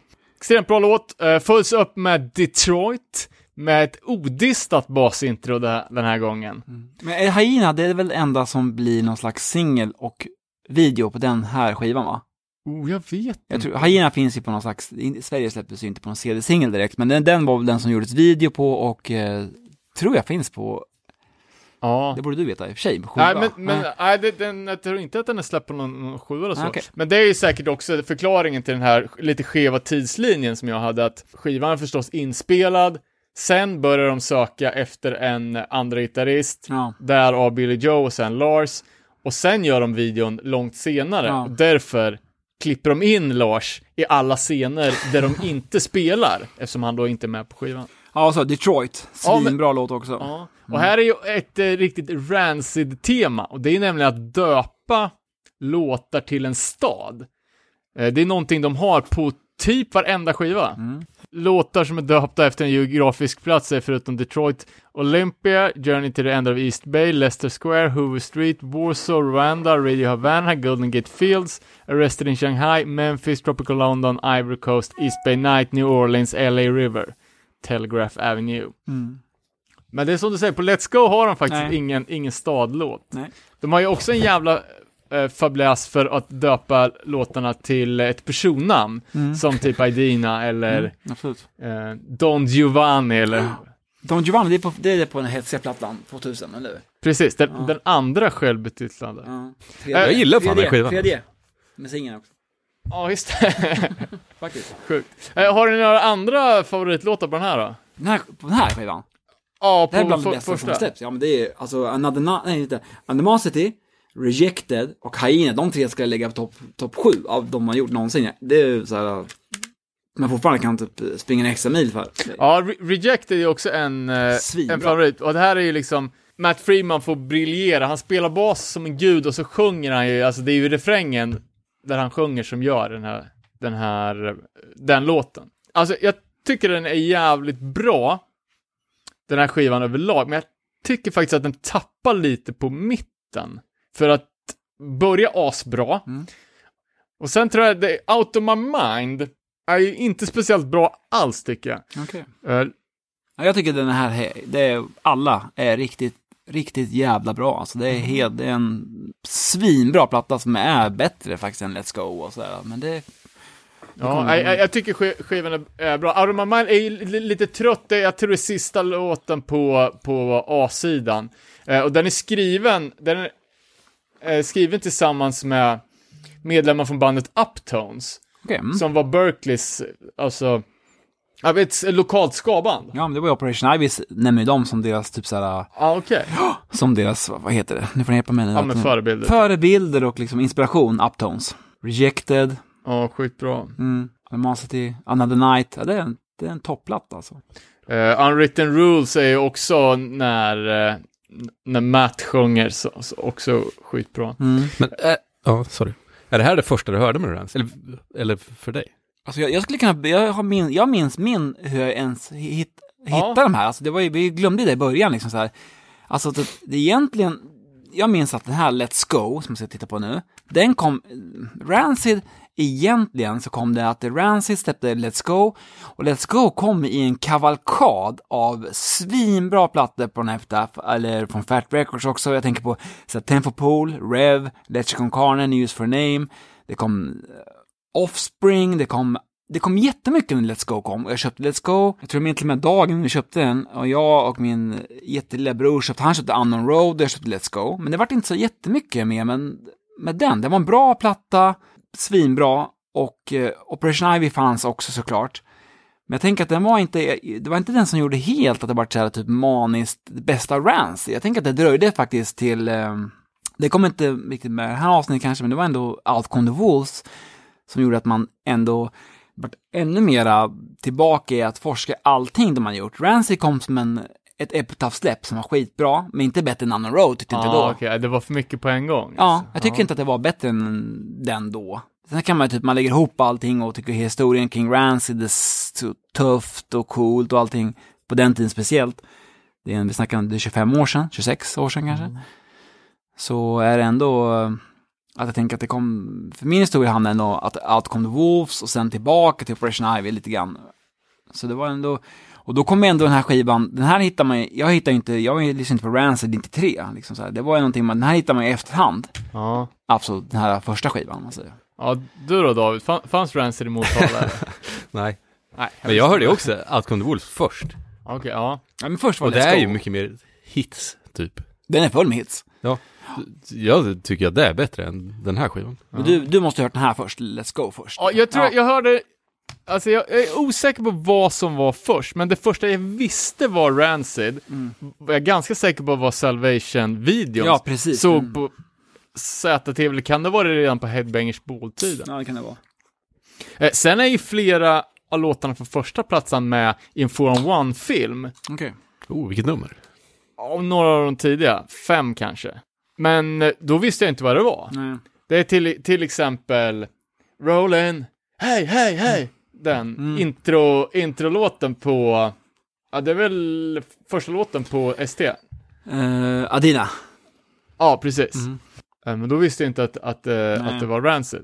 Men Let's Go kom ändå liksom i en blandning av, fan fanns Stranger than Fiction, Barry Legion, fanns så mycket som kom då. Ja. Det här var den första skivan jag absolut hörde, för Alcon Wolves kom ganska ändå typ såhär, den kom i typ augusti 95. Vi har inte kommit till den skivan än. Nej. Men den var, Let's Go var den första, men det tog ändå typ fram tills att den Alcon the Wolves kom och sen, då var det som att man ville bara, just det, fan Let's Go, alltså så här. Den var ändå en mera, Ja. Nej men det var ju en ma- magisk tid just där, Precis. runt där 94, Ja. liksom när alla de här banden kom och det tog ett tag innan saker och ting kom till Sverige också. absolut. Jag tror, jag för mig att Offspring var, var typ okända i Sverige när de spelade här.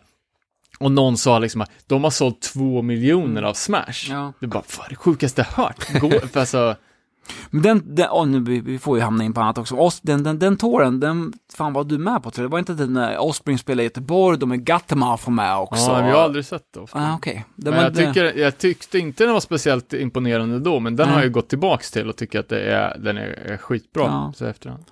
För de spelade i Göteborg då med Gattemouth och massa andra. Tror Quicksand de är också faktiskt. Det var länge sedan. Okej. Mm. Ah, eh, sista, Ja. sista låten på den här, så, som jag inte heller visste, det är ju en cover, Get Out of My Way. Okej. Eh, och det är en Uptones cover. Mm. Lyssna på originalet.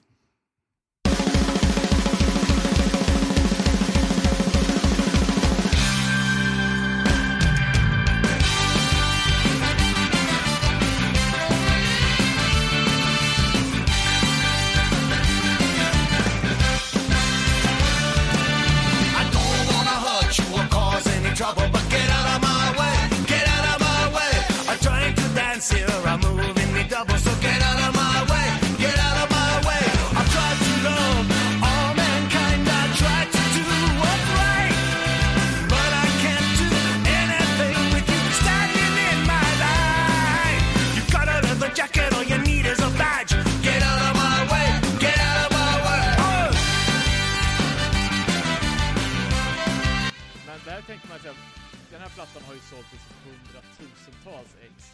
Eh, Uptown som då gjorde låten, ja de har ju några tusen spelningar på Spotify på den här, och man tycker så synd om dem för att den här är så- alltså, det är ett skaband, full orkester, det är, det är, de har arrat den så jävla, de har jobbat med den här låten, med allt blås och så här, och sen är det ingen som bryr sig.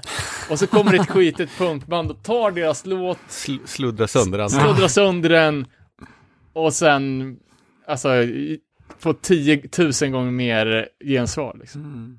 Eh, Men överlag så är det liksom, det är mycket personliga texter, väldigt mycket handlar ju om, om Tims, ja men hans alkoholism, hur han kommer tillbaka från, från i princip att ha supit och knarkat ihjäl sig. Ja. Han var någon gång inne på en blandning av typ såhär alkohol och tabletter och är på väg att dö nästan ju. Det finns ett sånt tillfälle som han rapporterar om själv ju.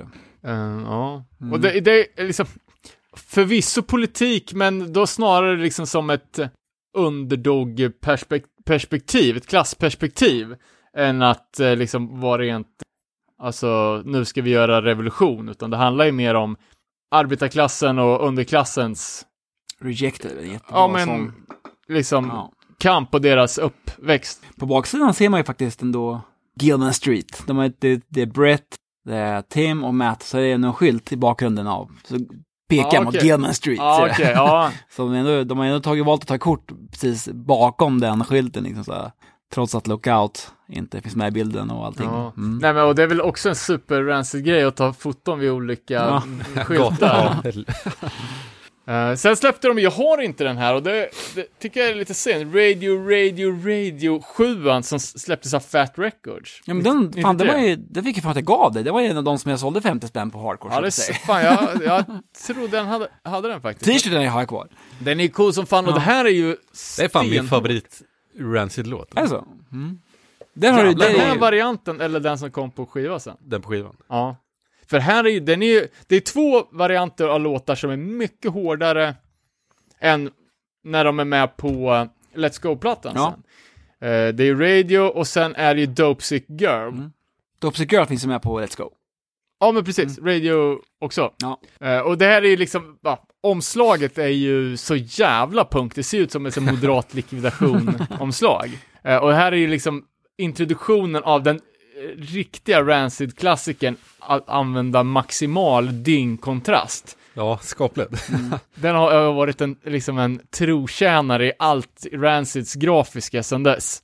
På Radio Radio har vi ju ändå ett, eh, den är ju med Green Days Billy Joe Armstrong med och skriver. Ja, men precis. Som vi nämnde tidigare. Fick ju frågan om han är i bandet, men hans bidrag till Rancids historia är ju den där eh, Radio, om man säger. Ja. Vad tycker du då Johan? Vilken variant är bäst? Skivan eller sjuan? Men sjuan tycker jag nog är bättre faktiskt, faktiskt. Ja, den har jag inte kvar som, eftersom jag bara har CD-skivor. Eftersom CD-skivor är bäst, så har jag inte kvar den liksom. Den, är, den tror jag är bättre, faktiskt. Ja, ja, ja.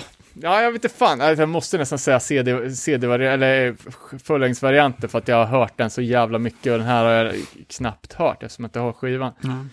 Men den är ju punk som fan. Ja. Och det är ju återigen ett bevis på att Rancid kan göra samma låt i flera olika tolkningar. Jag har en, en ganska cool bootleg som kom rätt tidigt ändå. Tror den är kanske från 95, som heter typ Degrees Garb Grease and Garbage. Ja, Mm. av typ 25 olika Ja. osläppta låtar, Ja, eller också. totala Mm. omarbetningar på Ja. andra grejer.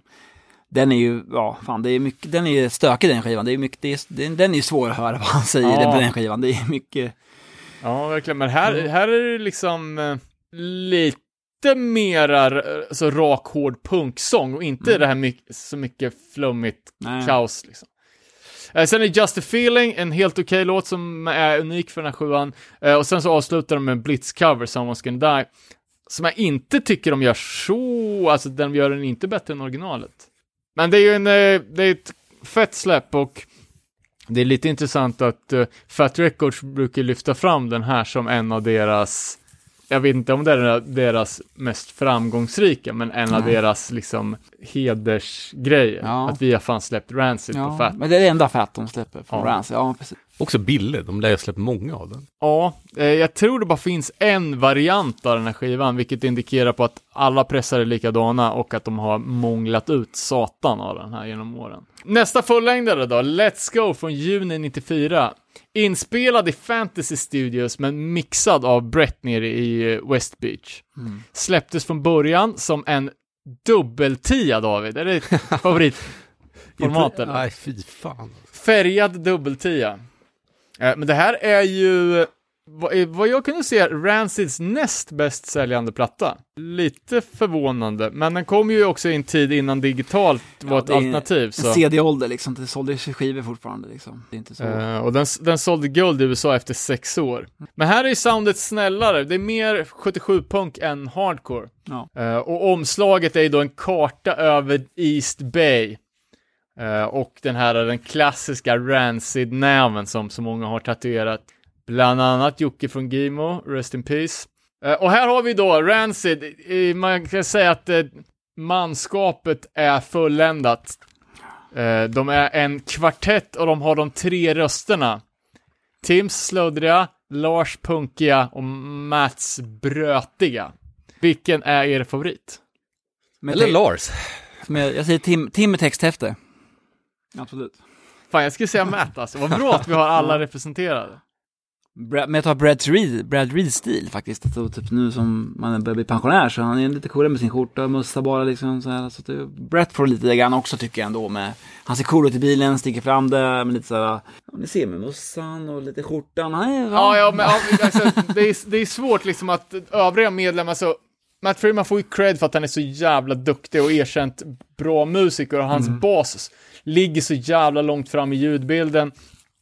Brett Reed får ju alltid stå längst bak. Ja, verkligen. Och han är liksom, ja, han är en habil trummis, men han, ja, han ska ha lite kärlek också, verkligen. Absolut. Men det är ju svårt liksom när det är två så jävla linslöss som står med konstiga kläder längst fram liksom. och Som, oftast fackar mot kameran så det är svårt.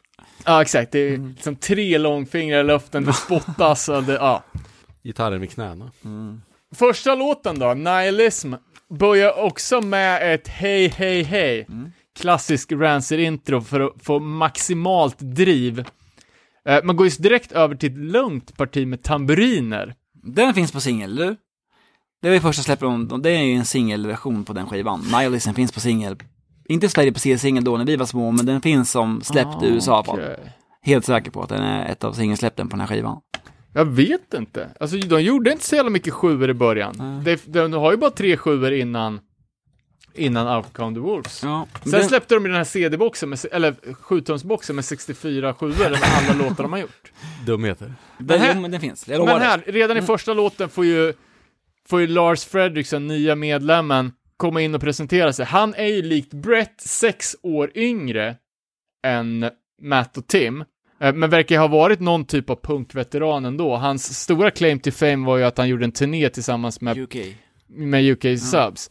Eh, som han beskrev på, de var lika gamla som min farsa.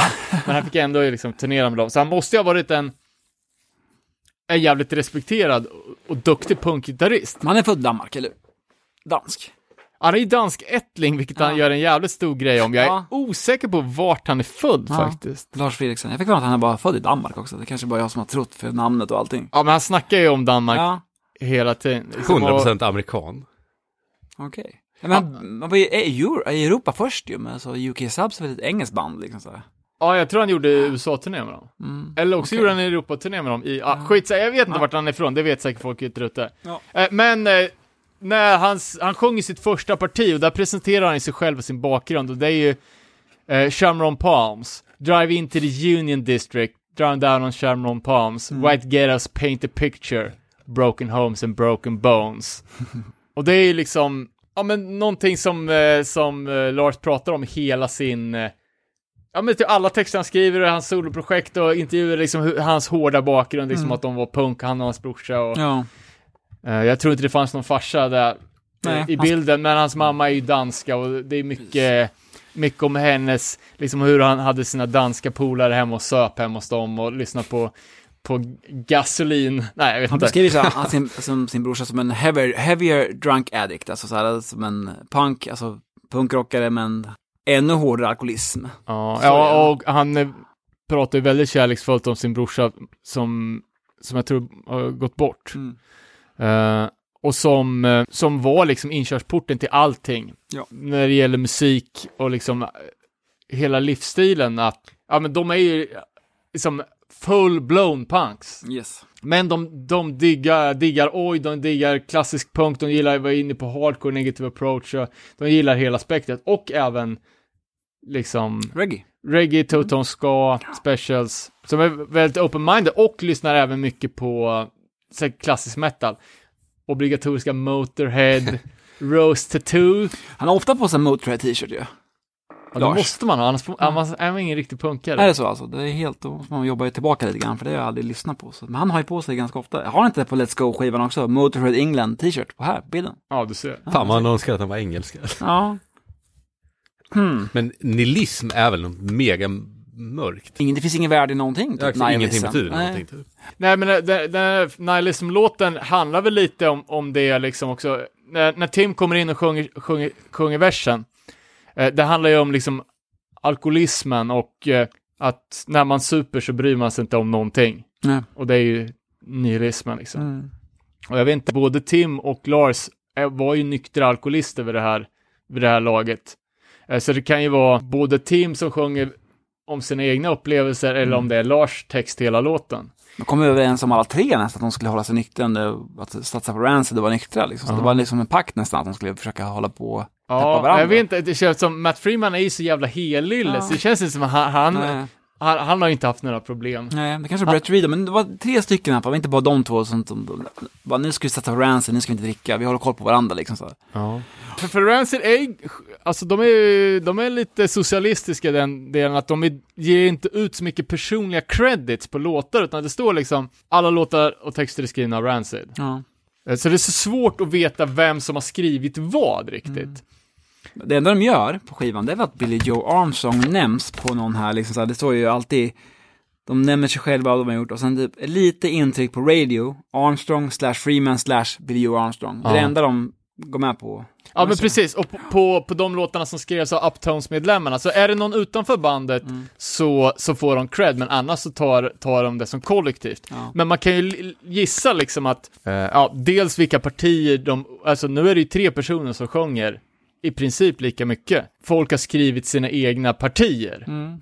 Men det känns ju som att de grejerna man kan misstänka är skrivna av Lars är lite mera tough guy. Mm.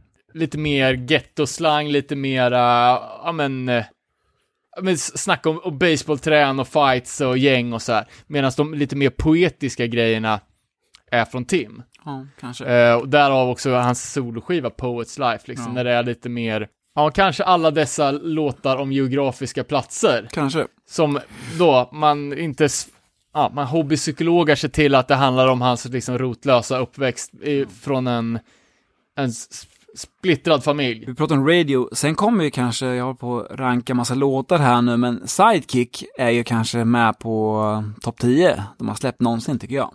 Ja, det är också en Ja, Fan, din to- topp 10-lista är ju fan proppfull alltså. Det är många låtar, ja, nej, det är sjukt bra. Och hela introt på den här plattan, alltså. Eh, Nihilism, Radio, Sidekick, Salvation. Eh, och Tenderloin mycket bra också. också. Jag googlade upp det, det var fan var någon charkprodukt tror jag. Okej. Säkert en metafor. Eh, är också asbra. Ja. Eh, och Salvation då, som med en, eh, Finns det video på också. Precis, Mm. så, som jag tror var det första, första jag såg, såg med Rancid. Ja. Och som handlar om hans tid och Mm. när han bodde hos Frälsis och var Är det den videon med Toby? alkis. Nej, nej, det här är en annan löparvideo. Det handlar ju om att eh, det är väl Tim och linslössen Tim och Lars som blir jagade av snuten. Ja. Och så springer de runt och, och blir jagade av några feds är det väl i kostymer. Men sen blir de upphämtade av Brett och Matt som kommer i Ja. någon lowrider Så och sen så drar de. Stämmer. De är ju typ ansiktet upptryckta i, upptryckta i videorutan hela tiden så. Eh, och sen är ju titelspåret, Let's Go, också skitbra. Mm. Eh, sen eh, eh, S1, S1 är ju en av inte de... Warzone cover. Nej, men den S1, den, den no, Rancid NoFX, det kommer ju senare, men de gör ju också någon slags, de spelar varandras låtar ju. Den väljer NoFX, jag tycker det är så intressant vilka NoFX väljer ut liksom. Ja. Den, de kör ju S1 S, på en av deras, som de gör cover av liksom. Så. Och S1 beskrivs ju ganska ofta som Operation Ivy del 2. Mm. Okej.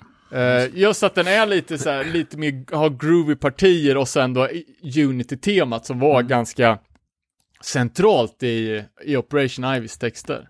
Eh, sen har vi Burn, som är återigen en Uptones-låt, eller skrivet av medlemmar. Ehm, Nian är bra. The Ballad of Jimmy and Johnny to Friends of Mine. Ja, jag, jag, ty, jag, ty, jag ty, det är en av mina personliga favoriter av många bra. Och det är liksom, ja, den handlar ju om de två lägren inom skinhead-kulturen med, Jimmy listen to ska, Ja, Johnny like last resort. med, liksom, med, med Oi versus ska där liksom. Ja, det är ju en ständig fascination liksom, där med skinhead-kulturen. Eh, och det kan ju vara kanske en av de första gångerna man kom i kontakt med, Mm.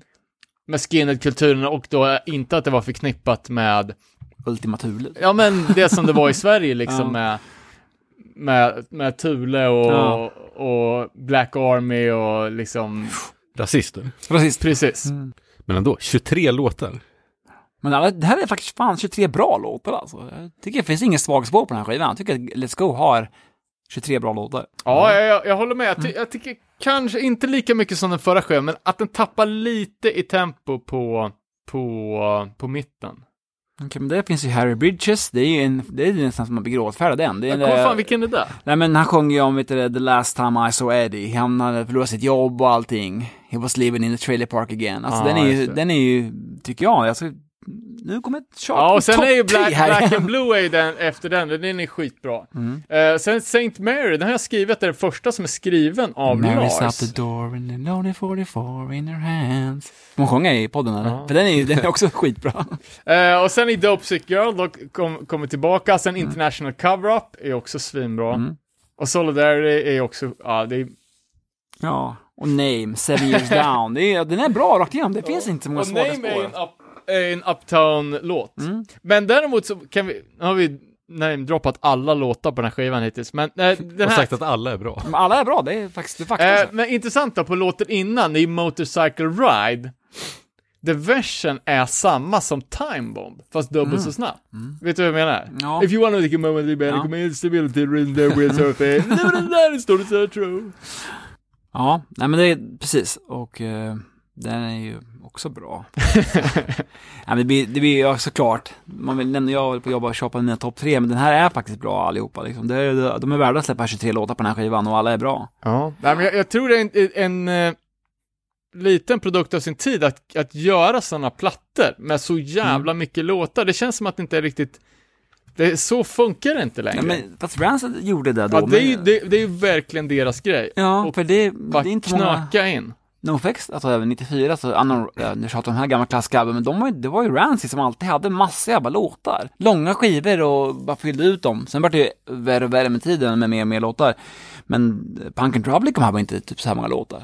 Ja, men det känns som ett 12, 12 låtars album Ja. och sen Rancid hade 20. Ja, ja men även då var de tidiga med att bomba in låtar. Men om man tänker 94, då var det ju när Green Day var världens största band. Ja. Det här blev ju typ inte riktigt det. Trea kanske, då. Alltså det var ju, alltså Men var de verkligen så jävla stora då? Nej. Det kan jag- de inte ha varit. jag- alltså, Alltså nå- Offspring och Green, eller Green Day var ju... Ja. Någon, någonstans här så gick ju Offspring, Green Day och Blink då, som Ja. kom egentligen från ja, ingenstans. men Alltså, lite senare. Ja, de, de slog väl igen 99 kanske? Ja, för den här Shizai Cat som du, du också tycker om faktiskt, Ja. som du erkände till mig då, eh, var ju också jävligt bra. Den där första med katten ja fram precis. Men då var de ju riktigt underground. Ja, Men jag tänker, i alla fall Offspring och eh, Green Day gick ju om med hästlängd, Mm. alltså tiofalt. Ja. I skivförsäljning och popularitet. Men det kändes Något ju som att, att, att det förväntades lite att Rancid också skulle bli den, det här bandet. Ja. Visst var de, de inte nära Warner det. Bros också. Det var en, vi kommer inte se, men det finns någon skiva som är Warner Bros, men de tar bort loggan på också. Om det är in- Indestructible, det är väl lite, ja men, de var nära i alla fall på vara en, Ruby Sahawi gick mycket på tv också. Ja. Ja, och skivan som kommer efter är väl, eh, Life Won't Wait. Ja, jag, jag tänker En Out Con the Wolves. Ja. Eh, som eh, är deras största skiva och som var liksom, den var ju så nära att bryta igenom till, Ja. alltså den absolut största mainstreamen, men Fast i och för sig, det fanns ju, den här Pennywise Same Old Story var inte heller, det var också nästan, eller typ, eh, Det är ju punkstort. Det är Ja. inte... nej, men det, den var nog också, den, den, den Pennywise sålde med affischer på Åhléns, liksom så här. man kunde gå och köpa, köpa typ Barbie Girl, Lego, Färdig, sen, ja. sen, sen fanns det stor Pennywise med Same Old Story, eller About Time heter den ju. Och Rancid Alcon the Wolves fanns ju där, så det var ju ändå, de där Epitaph-banden fanns ju som poster på Åhléns, liksom så här. Utan möjlighet att byta prislapp i och för sig, men det fanns ju. ja, men vi kanske Ja. ska runda där då, för Rancid del 1, The Early Years. Då har vi sju plattor till att prata om ett senare tillfälle. Snabb fråga dock. Ni har ju sett Rancid live. Jag har fan aldrig gjort det. Det är typ det, Ja, ja. ett av få band man gillar som man inte har sett. Jag har sett dem tre gånger vad jag vet. Bergslagsrocken, kanske Karlstad? Karlstad? Ja. Nej. Jo, jag tror han spelade. Spelat i Karlstad? Ja, jag tror de spelade fuck? Karlstad kanske. Och sen också som eh, The Green Day haft med dem på senare tid också som förband, alltså typ 2000 Ja, just det. Ja, det, kommer jag. det, var, jag, det var jag inte på. Eh, nej, men alltså, ja, Bergslagsrocken 96. Ja. Typ, vad kan det vara? 5 juni eller Ja. någonting. Det var ju så jävla monumentalt. Det var ju, ja, med Madball Ignite, Rancid, Mm, Civ. Och Rancid spelade ju sist. precis. Men då var man ju så jävla slutkörd, så man, jag, jag han liksom, kunde liksom inte riktigt ta in, det var overload redan. Men det var också Sam I Am. Kom Sam I Am eller var det, de ersatte Skulls tror jag. Sam I Ja, jag Am var också, så, jag, Glasgow var inte där, Sam M såg jag inte, så jag vet inte. Nej. Texas is the Reasons var ju där Ja. i alla fall. Men det såg man inte. Texas Reason var ersättare till något av dem. Ja, okej. Jag tror inte Sam M kom. Nej, för det är ju, Sam Am är Men också. sen var det ju liksom eh, Shields si- sista spelning. ja. No Fun At All var ju svinbra. Det var... Chickenpox fanns. Var det så? Mm. Och No Fun At All också. Ja. Mm. Ja, och sen Refused gjorde ju en... eh, En... Jag såg det inte, men det, det var ju också en legendarisk spelning. Ja, men det, var, det gick inte. Nej. Jag hade gärna sett Refused, men det gick inte. Man var helt jävla kross alltså. Och sist men inte minst Hives, innan de var stora, var också med den kvällen tror jag. Va? Ja, Fan, det, kom, det såg jag inte heller. Nej. Sen såg jag dem nästa gång, var det var bara två år senare, på Hultsfred, 98. Eh, och det var ju därför man åkte till Hultsfred det året. Vad- ja, spelar de största scenerna då? Ja, jag tror de kanske spelade på Hawaii mitt på dagen typ. Eller på, det var ljust i alla fall. Eh, och det var ju pe- pepp som fan, och då var man ju, ja, det var jävligt coolt. Det var jävligt coolt. Och sen kom de ju tillbaka och spelade själva på, Det känns som att de spelar det Burning Heart-grejen. ja, När det var skate och grejer. ja, Fast de spelar i Stockholm. ja, det hängde inte ihop menar du? Nej men det var ju Örebro också. Heart attack typ. Ja, när typ Mike V var här. Och, Ja. Och var, var det Heart Attack med Rancid som, som akt? Ja, det var ju... eller men- kanske, ja, ja. fan. Nej, jag kommer inte jag ihåg om, om det var ihop eller inte. Det var ju samtidigt i alla fall. Vi gick ju direkt från skateuppvisning och kollade på, på Rancid.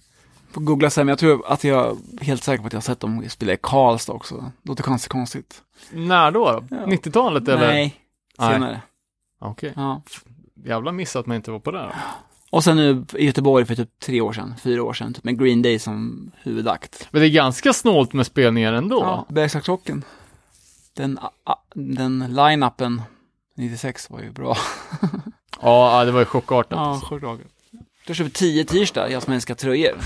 tio t-shirtar och en mössa tog jag med hem. Så.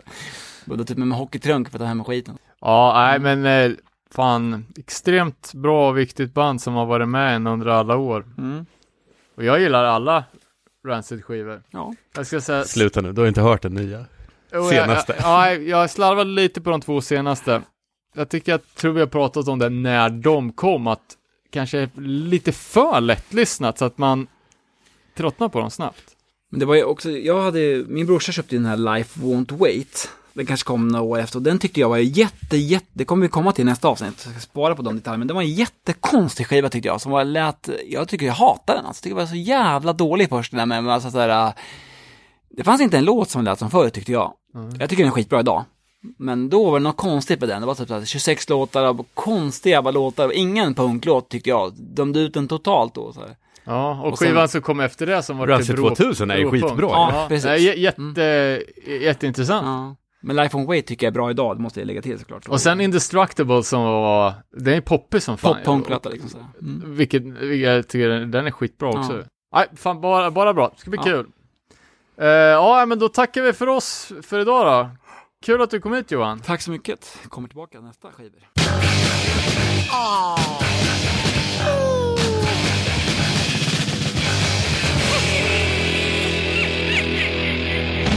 Tja, Danne här. Eh, sitter med efterarbetet på avsnittet och det dök in ett så jäkla roligt eh, meddelande på Facebook så jag tänkte jag skulle ta och klippa in det. Eh, det kommer från Brolin och Robin i Within Reach. Deras dubbel-LP Arboga Hardcore är nu ute. De skriver att det var det är tack vare medverkan i Nere på Noll som gjorde att vi fick idén. Ja, det var det och några bärs kanske som gjorde att de fick idén att eh, göra det här släppet DIY efter många år och det är ett ganska påkostat och ambitiöst projekt ändå. Eh, med licens från Epitaph och dubbelvinyl och en remastering så här som nu, nu har sett dagens ljus. Och det ska bli jävligt kul att höra det remasterade materialet som, som ska vara ännu fetare än den tidigare, den tidigare produktionen. Så det är jävligt kul att vi kunde peppa igång dem att göra någonting. Det är därför vi har den här podden, för att sprida hardcore pepp. Så det är ju är är ett jätteroligt bevis på att, eh, att det funkar. Det finns fortfarande ett 20-tal ex kvar. Då kan man eh, hojta på, på Within Reach på deras eh, Facebook-sida med DM bara om man vill knipa en av de sista exen. Vore ju fett om den här kunde bli slutsåld på direkten. Eh, ja, nej, men det var bara det. Vi hörs allihopa till nästa avsnitt. Stay hardcore.